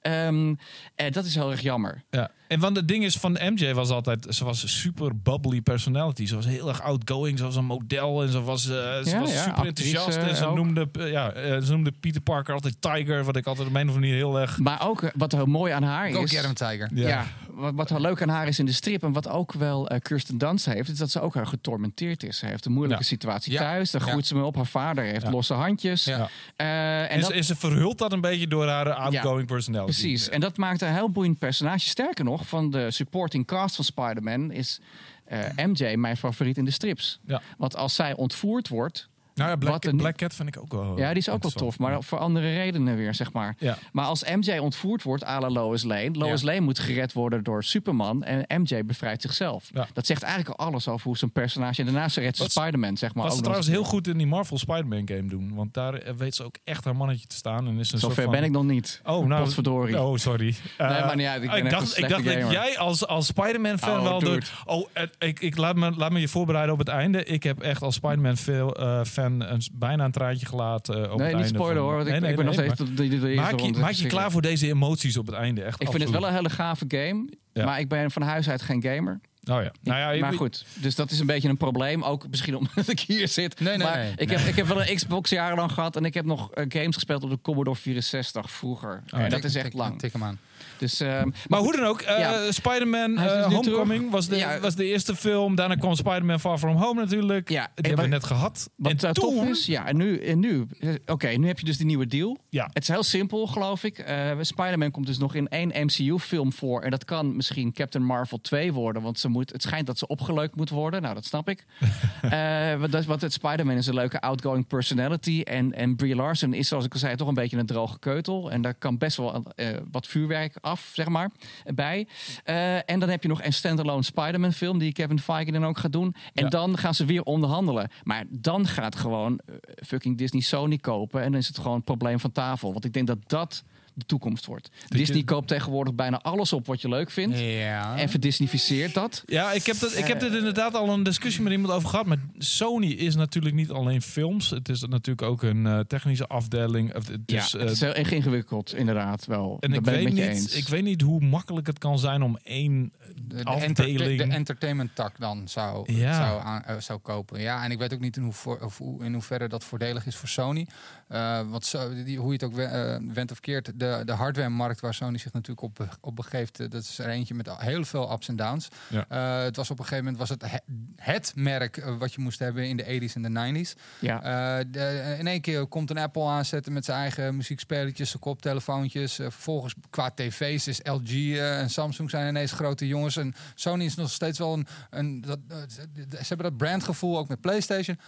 Maar ja, mm, het is een heel groot bedrijf hoor. Het is echt een groot bedrijf. En Ja, dat is wil- waar. Zit Disney te wachten op al die, al die hardware dingetjes? Nee. Ja. Nou, ik zat ook meer te denken dat ze dan misschien toch de entertainment divisie opslokken op Het zou, een het of zou andere kunnen. manier. Het zou Maar kunnen. laten we- laten we nog even teruggaan naar de rollercoaster van Ja. emoties die er gebeurd is de afgelopen weken. Ja, Want ja, eh, toen Ja, werd ja, ja, ja, ja. aangekondigd dat Spider-Man het MCU zou verlaten. En het leek redelijk, want Sony heeft ondertussen natuurlijk ook Into the Spider-Verse gemaakt. En Ja. dat is echt een fantastische Spider-Man Ze hebben film. een goede Spider-Man film, goede animatie sowieso. Ja, en eh, Venom heeft het erg goed gedaan. Dus dat was ook een succes voor hen. Maar Venom was succesvol, maar inhoudelijk was het... Ja, ik weet niet wat Was jullie ervan Nee, vonden. was een prutfilm. Ja, was eh, heel erg teleurstellend. Ja, ik vond het, ik vond het minder kut dan ik. Ik, ik, ik heb hem zeg maar best wel. prut. ja, ja oké, sorry. Eh, ik heb hem best wel laat echt gekeken. Best wel laat nadat hij gereleased was. En ik heb al die negativiteit heb ik een soort van op me genomen. En dan ga je al met lage verwachting die film in. Dus viel het voor mij wel mee. Ja. Maar hoe dan ook, het, eh, qua blockbuster heeft hij het goed gedaan. Hij heeft het goed in de box office Ja. gedaan.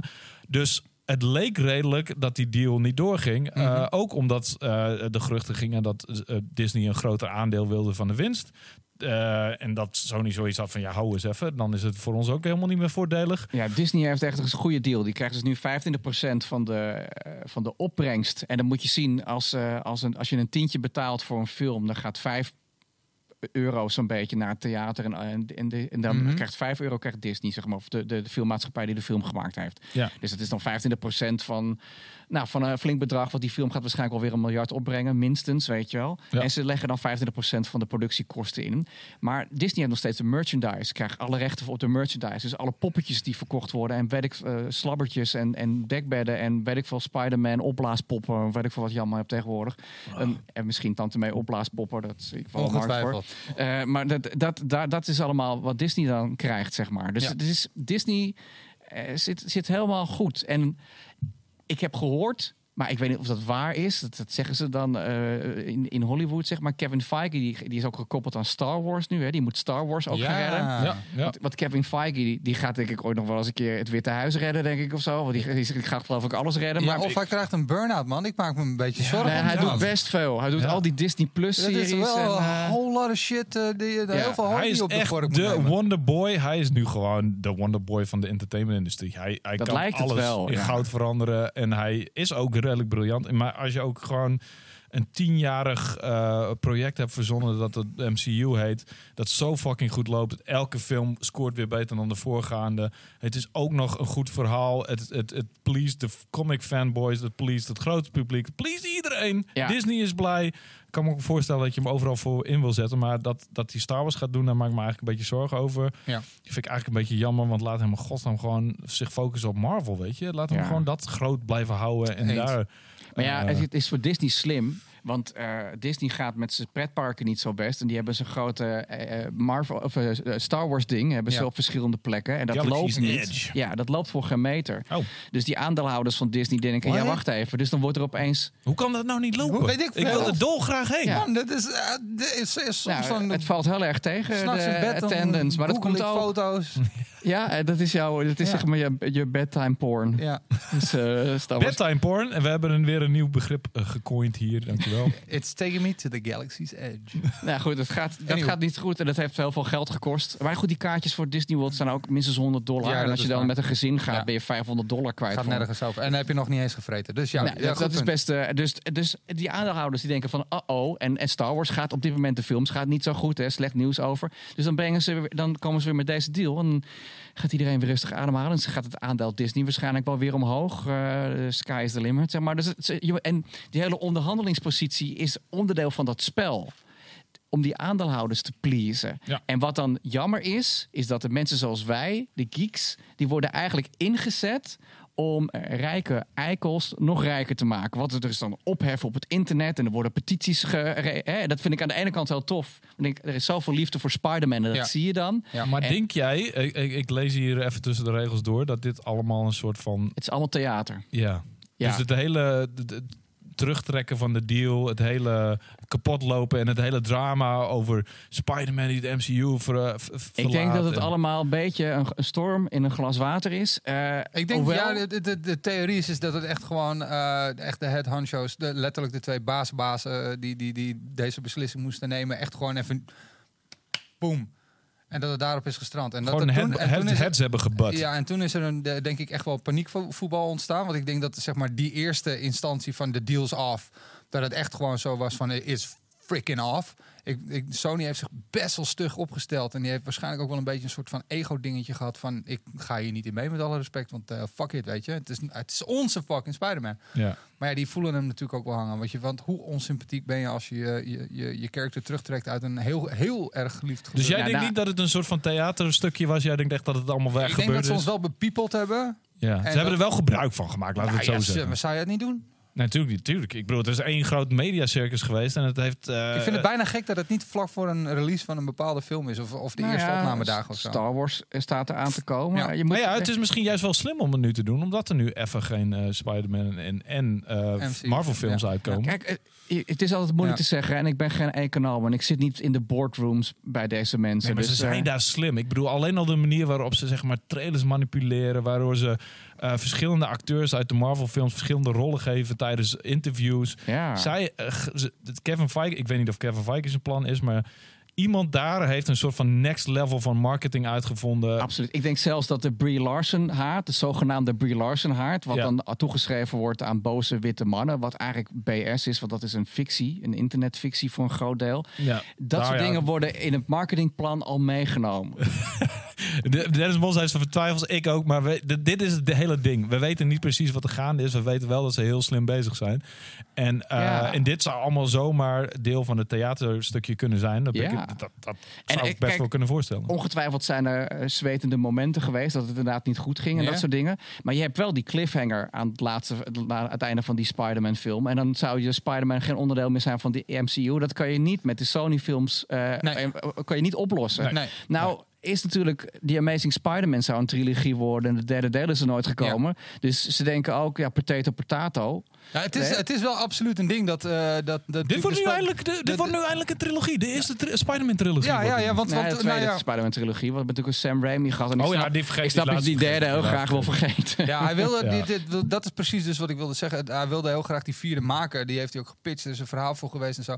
Ja. En die, dit is afgestoten en hij heeft daar echt nog steeds pijn van in zijn hart. Ja. Eh, en toen Ik ik dacht- ik dus dacht met even dat Amazing dat- Spider-Man. Want dat was precies op het moment dat ze iets moesten gaan doen. Want anders waren ze hem kwijt. Ja. Ehm, dus ja, het, is- dit- dit- je hebt groot gelijk. Spider-Man zit nu zo in het MCU verwoven... dat het echt praktisch onmogelijk is Om hem zomaar eruit te om hem halen. eruit te halen. Dat is de Want eerste waar ik- alles wat, wat zeg maar de referenties aan Happy, Ja. de referenties aan zijn pak, Ja. alles is weg. Dat is de eerste waar ik aan dacht toen die deal eh, zeg maar niet door eh, leek te gaan van hoe gaan ze dit in een MCU oppakken? En Reboot. Hoe gaan ze dit? eh, ja, oh ja, voor Sony had het waarschijnlijk een reboot geweest. Ja, lichter Ja, reboot waarschijnlijk. Dat had ja. toch niet weer gekund, joh? Jawel, nu alweer? Ja, hoor. Nou ja, dat is dus wel wat, wat ik heel lastig vind. En je had het net over, je bent benieuwd naar de nieuwe Batman. ja.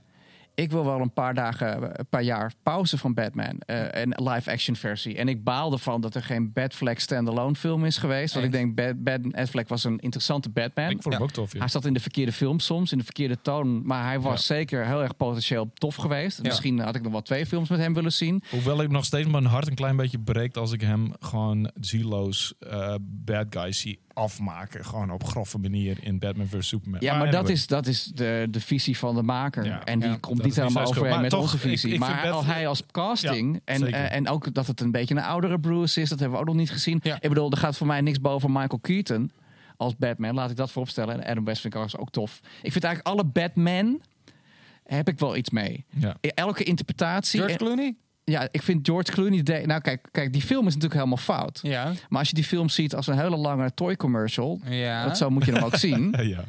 Dan, de, want dan, dan verklaart ook waarom die auto's dan opeens op die beelden rijden en weet ik het allemaal. Clooney is zo sieloos in die film. Nou ja, goed, maakt ook Maar maakt niet uit. Ja. Maar dat maakt ook niet uit. Dat is ook, eh, weet je, water een- onder de brug. Je, maakt een punt over, over eh, Spider-Man, was je mee bezig. Ja.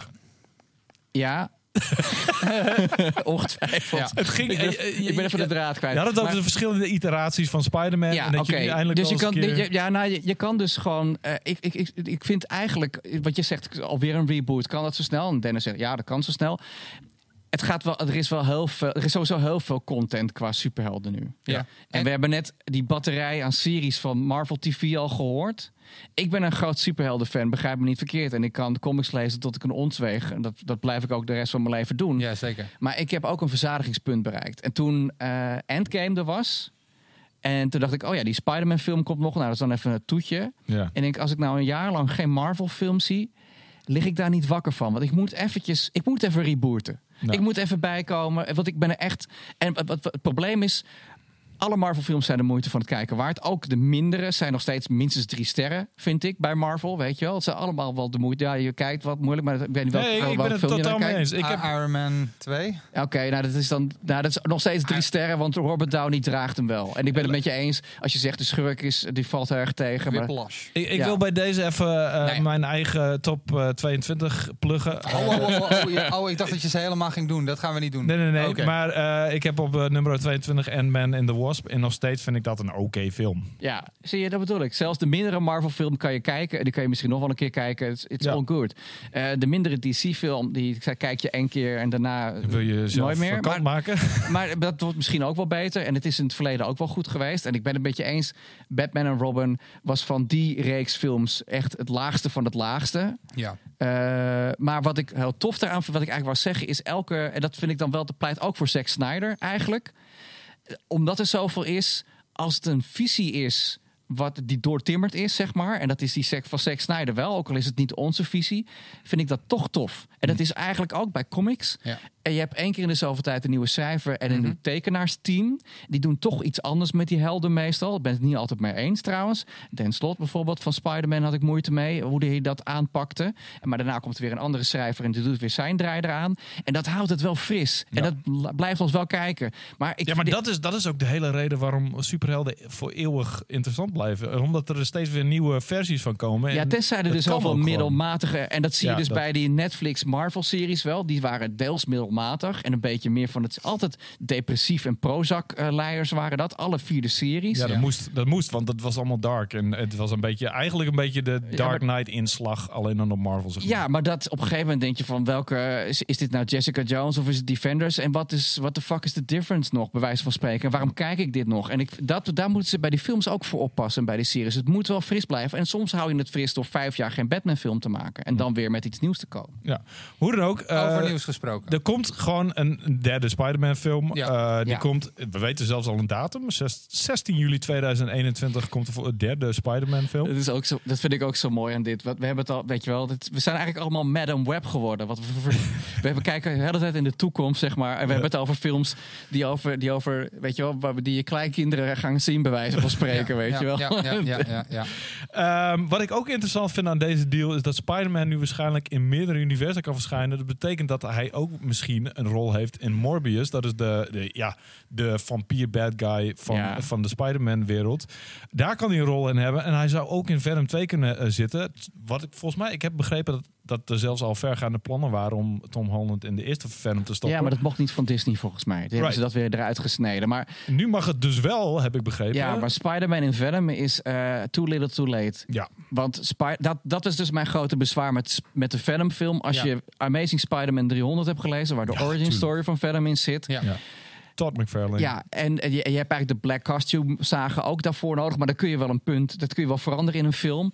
Venom is de schaduwkant, de zwarte eh, spiegelbeeld Dark van Spider-Man is Dark het, ja. Spider-Man, precies. En dan maak je zo'n ah, slecht aftreksel. En ik vond die hoofdacteur het helemaal niet slecht doen hoor, Tom Hardy. Tom Hardy is briljant. Maar de rest van de plot was... eh, en Michelle Williams heet ze geloof ik. Die, dat Ja, was echt die een was- van de slechtste dingen die ze ooit gedaan heeft. Terwijl ze een goede actrice is Zij is een supergoeie actrice. Zij is een soort van indie queen is ze jaren geweest. En Ja. nu besluit ze eindelijk een keer een grote film te doen. En dan wordt ze echt weggekwakt als een soort van... Nou ja, zo ziet ze eruit als ze slaapwandelt. Ja. Een beetje zoals eh, Jennifer Lawrence in de laatste X-Men film. Die Ja. had er ook geen zin in. Oh, die, dat is dus de enige superheldenfilm die ik nog niet heb gezien. Nou, eh, eh, bespaar je de moeite. Ja, dat, is ook, Echt? dat, dat, dat, dat overweeg ik serieus. Maar ik weet, ik ken mezelf, ik wil al die films gezien hebben. Ja, Oké, maar de- doe hem dan op Netflix of weet ik veel wat. Of Ja, weet je wel. bioscoop, nee, nee. Ga- Wacht tot hij op tv komt. Ik heb hem gekeken. Dus eh, wacht tot hij op tv... Oh, je hebt geen tv. En als nou, je dan de- zie je hem nooit. Prima. En, en, en, en als je ooit de strips hebt gelezen, dan denk je echt helemaal van wat de fuck zit ik te kijken. Ja, maar dat even Ja, natuurlijk heb je strips gelezen. Ja. Ja, nou, ik zou gewoon die film niet doen. Nee, nee, oké. En, en het is jammer, want eh, Sophie, eh, Sophie Turner is ook geen slechte actrice. Nee, natuurlijk niet. Nee, nee, maar alles aan die, dat die film, nou goed. Dat is ook het mooie van die hele superhelden hype is dat er ook gewoon goede acteurs worden aangetrokken omdat het zulke Ja. grote hits zijn en zij krijgen meteen een soort van deal voor meerdere films waar ze le- lekker blij van worden. Ja, En, en, en dus worden gewoon echt goede mensen aangekoppeld. En eigenlijk de crème de la crème van, eh, van, van de filmbusiness van Hollywood zit nu allemaal in superheldenfilms. Het is Wij hebben ook prachtig. Het is zo'n grote geek-asm voor ons eh, guys die in de jaren negentig eh, Spider-Man comics aan het lezen waren en Junior Press eh strippies lazen. Het, het is toch bizar allemaal. Dit, Toen ik eh, voor het eerst las dat, dat James Cameron misschien een Spider-Man film zou maken met Arnold Schwarzenegger als Dr. Octopus. Ik, ik had het niet meer. Ik smolt van de... Ja. Ik had net voor Terminator 2 gezien. Toen las ik dat in de voorste pagina's en de postpagina's van de Ja, Spider-Man. ja. Junior Press Spider-Man. Ik dacht dat ik, ik dacht dat ik stierf. En nu... het is ook een luxe positie om te zeggen: doe even een jaar geen Batman of zo. Weet je, van Jesus Christ. Want ik moet al die dan? series nog. Ja, nou, dus dat, het, is wel een paradijsje. Dat ben ik helemaal met jullie eens. En ik, het is, als ik aan het klagen ben, is het eh, een luxe positie. Ja. Klaagzang, zeg maar. Joh. Maar goed, de toekomst eh, eh, van Tom Holland en Spider-Man in het MCU is voorlopig is dus... safe. Ja, d- Ja. er is nog twee films. Eén onbekende MCU-film, we weten niet welke het is. En een derde Maar daarna komt er wel weer een nieuwe deal. Als Sony niet gekocht wordt door Disney, dan maken ze later wel weer een nieuwe deal. Het komt wel goed. Ja, Ik en dan misschien gaan ze om. weer even drama schoppen van... Oh, Spider-Man Ja. is weer weg. Ik weet niet of ik er nog een keer in ga trappen, maar goed. Maar dan hebben we de toekomst van eh, de Sony Spider-Man films. Want zij hebben een eigen Spider-Verse natuurlijk gaande. Ehm, en natuurlijk komt er eh, Into the Spider-Verse 2. Dat is al bevestigd. Ja. Maar we hebben ook nog een heleboel, een heleboel andere dingen. Morbius Venom 2 hebben we het al over gehad. Er komt ook nog steeds een Black Cat film als het goed is. Craven the Hunter film staat ook nog enigszins eh, in de planning. Black En- Cat wil ik zeker zien. ja, en we hebben ook nog Silver Sable. Ja. Er moet ook nog een film van ko- komen. En ik had zelfs begrepen dat Black Cat en Silver Sable samen een film zouden Maar krijgen. is dit allemaal al zeker of zijn het allemaal van die proefballonnetjes? Want Ja, dat, dat dit hebben zo ze- vaag altijd. Dit hebben ze eigenlijk een soort van bevest. Ja, dit hebben ze eh, volgens mij willens en wetens die geruchten in de wereld geholpen. En ze hebben het volgens mij niet bevestigd. Nee, we maar- hebben nog geen release datum bijvoorbeeld. Nee. Of, eh, dus het is misschien nog gelul in de ruimte. Ja, maar het, eh, wat er nu ook een extra gelul in de ruimte bij is gekomen. waar we het toch over gaan hebben, is een Madam Web film. Ja, dat is echt hilarisch. Eh, ik, ik, ik ken Madam Web een beetje. Ik heb volgens mij een keer in een web of Spider-Man heb ik haar wel eens langs zien komen. En toen werd ze volgens mij... eh, ehm, ik vond haar heel vaag, soort van heel erg sterk en, en, en alleswetend karakter. Wat een heel erg raar verhaallijn werd gedumpt. Ja, Eh, en uiteindelijk op het einde van die verhaallijn, het laatste wat ik ervan las, twintig jaar geleden of zo, is wat zij allemaal, ehm, wat voor potentie zij had. Dus op het einde bleek van, wow, zij is een veel interessante karakter dan ik dacht. Maar eh, wat ze precies met haar gaan doen, daar ben ik nooit achter gekomen. Weet jij meer over Madam Web? ja, het hangt er vanaf welke versie. eh, de oorspronkelijke versie is geïntroduceerd door eh, Danny O'Neill, de beroemde schrijver die ook Batman gereanimeerd heeft in de jaren 70 met Neil Adams. En eh, John Romita Jr., de tekenaar, in Amazing Spider-Man 210. En ze is eigenlijk een, een blinde helderziende. En die wordt eh, door een machine in leven gehouden, want ze heeft eh, een soort spierziekte, daardoor is ze verlamd. En die machine ziet er ook uit als een web. Dus ze kan eigenlijk alleen maar op een stoel zitten en de toekomst voorspellen. Nou, dat wordt een lekker actievolle film, zeg maar. Dat, ehm, dat- dat- maar later gaat ze, sterft deze versie en dan geeft ze de krachten over aan Spider-Woman 2. Dat is dan de tweede Spider-Woman, want Ja. je hebt er meerdere gehad. Ja. Julie Carpenter, Julia Carpenter moet ik zeggen. En dat is wel een jonge giet. Dus ik denk, als je een, een, een Madam Web film maakt, eh, opteer ik voor de jongere versie, denk ik dat ze gaan. Maar dat weet het, je weet het niet. Dat ik is dus wel- niet de Jessica Drew Spider-Woman, maar dat is de dat is een andere, ja, dat is, dat, is een, dat is een eentje die dat zwarte pak eigenlijk eerder had als. Spider-Man. Oh, ja, die ja. blonde. Die had dus dat zwarte kostuum met Ja, die witte spin. Oh. Daar is dan uiteindelijk weer de, de black costume van afgeleid. Dat is een heel lang verhaal. Het, wat- het wordt een beetje ingewikkeld. Maar in ieder geval, Carpenter, die wordt dan, omdat ze die kracht heeft, ook blind. Want dat is dan kennelijk een voorwaarde als je die krachten krijgt, die helderziendheid. Maar wat er wel tof is aan Madam Web, is hoe ze eruit ziet. De oorspronkelijke, die heeft dan echt, nou, zoals ik zei, die machine ziet eruit als een soort spinnenweb. En ze zit dan op die stoel. Misschien kunnen jullie in de postproductie de, ja, natuurlijk. de Je cover ziet, van hem, je 210. ziet hem nu.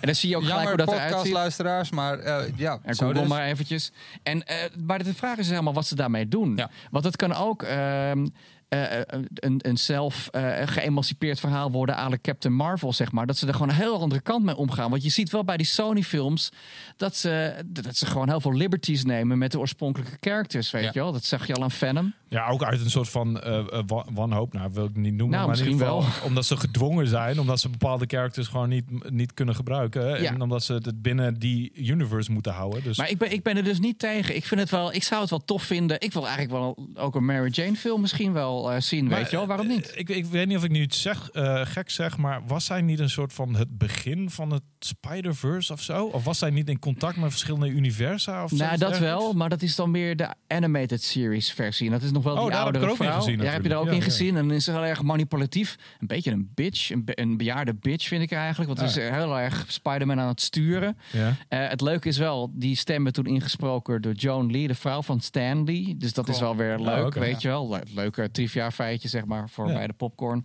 Ehm, Die ga ik onthouden. maar ik vind er eigenlijk het beste werken in die oorspronkelijke comics. En daarna is het gewoon allemaal variatie van. Maar ik denk, ja, misschien moeten ze gewoon eh, Black Cat er ook gewoon bij. Waarom, waarom ook allemaal Ik wil al aparte Black Cat. films? We hebben Black Cat natuurlijk al gezien in de films. Alleen niet in een pakkie. Maar wel dat eh, Felicia Hardy hebben we al langs Ja. gekomen. Ja. Nou was dat niet heel erg bijzonder. Want ze zat ergens in een throwaway scène. En eh, niet zo boeiend. Maar Black Cat inderdaad. Ook hoe ze trouwens. En dat misschien... Een, nee, dat is geen spoiler voor jou. Zij zit ook in de DLC van de, eh, eh, de Spider-Man game. Mhm. En die moet je ook even zeker even spelen. Want eh, de manier waarop ze haar brengen is fantastisch. Zij is echt een heel erg tof character daarin. En ook echt gewoon unapologetic sexy. wat een beetje eng is tegenwoordig om dat te doen. Maar ze is gewoon echt een... Ja, waarom is dat eng tegenwoordig? ja, dat is een beetje de, de, de, de times we live in. Uh, maar ik snap het ook wel een beetje. Alleen um, van de toekomst van Spider-Man. Hè? We hebben nou Ja. twee verschillende toekomsten eigenlijk. Uh, Ja. We hebben de Marvel toekomst en we hebben de Sony toekomst. Van al die films die eraan zitten komen, waar zijn jullie het meest enthousiast over? Michael? Ik wil wel eh, de derde zien in de trilogie, zeg maar, met Tom Holland. Ik ben benieuwd wat ze daarmee doen.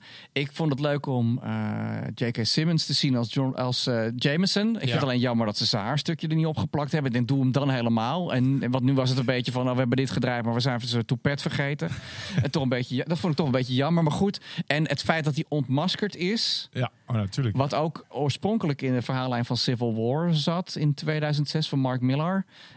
Dat hebben ze een paar interessante dingen mee gedaan in het verhaal. En Spoilers, later wordt het natuurlijk weer teruggedraaid. Want dat, je kan dat niet eeuwig blijven, blijven doen. Nee. Maar dat, wat ik wel stom daaraan vond, is dat het dus zo'n eh, zo'n eh, after credits scene was. Ik denk, dat vind ik een beetje jammer. Want om die cliffhanger dan, dan had ik het iets eerder gedaan misschien in het verhaal van mij apart. Maar goed, dat even te zeggen, dat is een nitpick. Maar dat, daar ben ik benieuwd naar. En we ik gaan er ook- trouwens bij deze even vanuit dat jullie Spider-Man Far From Home al Ja. hebben gezien. En maar, anders- en zo niet, dan heb je nu een spoiler gehad. Maar je, je luistert naar Superpower Praat. We gaan er even, moeten even van een bepaalde voorkennis uitgaan. Ja, toch? Eh, En, en voor de rest ben ik gewoon heel benieuwd welke MCU-film is Spider-Man dan? Waar komt hij dan in voor? En wat is dan zijn rol daarin? Want ik hoop wel dat het meer is dan alleen maar een broodje halen op de achtergrond. Of zo, Maar je bent wel. niet, je bent niet eh, hyped over bijvoorbeeld Morbius. Wat, eh, Jared Leto vind ik een interessante acteur. En Morbius is eigenlijk heel erg tof. Want dat is de Michael Jackson van de Marvel Comics, zoals hij er een beetje uitziet, toch?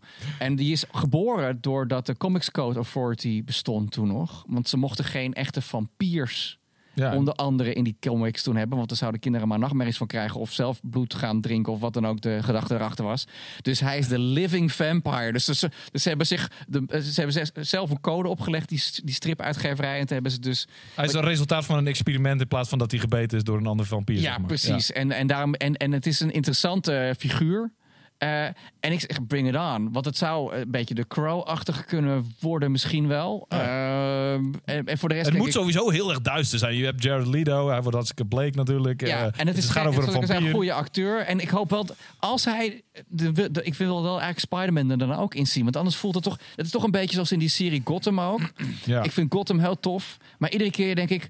Where the fuck is Batman? Ja, maar ze ik gaan- weet- dat, dat, was nog- het ding van Gotham. Ik ben daar gestopt mee te kijken, omdat ik dacht dat Batman nooit geïntroduceerd zou worden. Maar in het laatste seizoen zit hij dus daadwerkelijk. Ja, zit hij in. eh, en nu heb ik dus spijt dat ik gestopt ben met kijken. Je kan, het, je kan het nog oppakken op Netflix. ja, Maar het is toch een beetje, het is heel tof. Maar het- uiteindelijk, er moet een moment komen dat je toch Bruce Wayne op, eh, van 25 gewoon een jaar of ouder Er ziet. Ja, je, wilt het, ja, maar je wilt het gewoon zien. En dat vind ik bij Morbius, bij Venom ook. Ik denk als het Spider-Man niet is, dat is een beetje, je hebt een trouwerij en de band is niet opkomen dagen. Ja, fair enough. Wat- Dennis, wat, eh, waar ben jij het meest gehyped over van de toekomst eh, van Spider-Man? Eigenlijk helemaal niks, man. Nee? Is dit helemaal gebakken? Maar je Nee. vindt Far From Home toch ook best leuk? Ja, nee, nee, zeker wel. Nou ja, goed, de volgende Spidey-film wil ik zo absoluut zien. Maar alles in ieder geval wat, wat er in de Sony, Sonyverse zit, boeit me voor geen ene meter. Dat, Ook niet Spider-Verse 2? Nee, eh, niet Into echt. the Spider-Verse? Nou, ja, oh ja, ja, die zeker wel.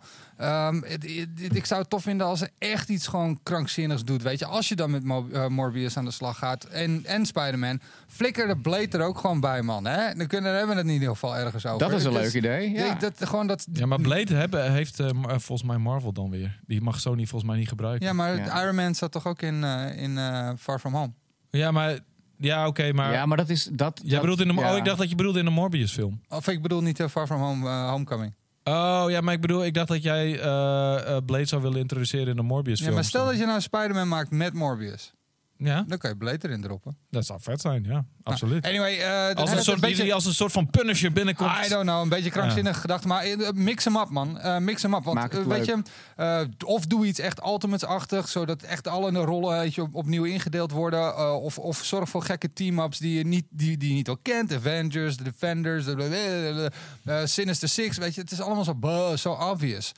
Neem Ja. je vrijheid. Neem je vrijheid om iets te doen wat nog niet eerder is gedaan. Nou ja, dat, dat is de, mijn punt. Ik, ik zou het heel te gek vinden als nu eindelijk een keer de Sinister Six samenkomen in een, in een film. Ik heb daar, dit is... Dat dan- lijkt me echt problematisch. Want dan heb je zes schurken die allemaal een beetje uitgediept moeten zijn. Ik denk dat je dat pas moet doen als je de- al die schurken al in andere films een keer hebt gezien. Want zo is maar het dat kunnen beetje. ze inmiddels bij Marvel. Ze weten namelijk enorm veel. eh, Ja, maar Marvel, je maar de Sinister Six is Sony. ja, dat is waar. ja. Het is al, alles wat Spider-Man related characters zijn. En dat is, zijn er echt heel veel. Ja. Dat zijn echt een Maar paar... Mysterio zit dan dan weer in MCU. Nee, dat zit eigenlijk ook... Het is ook een Sony... Ja, maar dat... Oké, dat is dus echt heel lastig. Omdat... eh, maar het is ook niet helemaal de... Mysterio. Ja, het is niet helemaal de Mysterio uit de strip. Maar het komt wel aardig overheen. En ze hebben het goed gedaan trouwens. Ja. Jake Gyllenhaal cool. was een fantastische... En er zitten een paar scènes in die ik gewoon rechtstreeks uit de comic panels vond. Ja, vond nou ja, die hallucinerende, Ja. Sowieso. dat is echt super tof. Dat is Ja. echt alsof Steve Ditko uh. Spider-Sense Spider-Sense, eh, s- eh, scènes Ja. waren ook freaking amazing. Ja, Ja. absoluut. Dus goed. Nou, ja, maar ik weet niet zeker of je dus eh,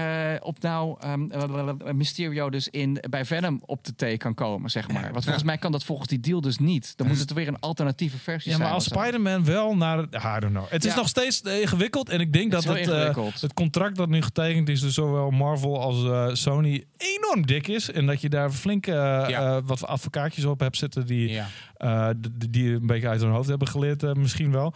Ehm, maar hoe dan ook... eh, er komen mooie dingen aan in de wereld van Spider-Man. De filmwereld van Spider-Man. En allebei de filmwerelden van Spider-Man. Ik hoop het in ieder geval. Uh, ik zie zelf ook nog wel een beetje Silver Sable zitten op een of andere manier. I don't know waarom. Het is een, niet een heel boeiend karakter aan de ene kant. Hangt er vanaf wie je haar speelt, denk ik. Ja, precies. Ik, ik hou ook heel erg veel van, uh, van die casting nieuwtjes. Weet je, oh, die en die wordt, is gecast voor Silver Sable. Die is gecast voor Black Cat. Ja, ik, ik voel het nu. Ik, ik wil zou, het zien. Eigenlijk zou ik willen, als ze echt ballen hebben bij Sony, dat ze de Death of Gene the Wolf storyline gaan brengen.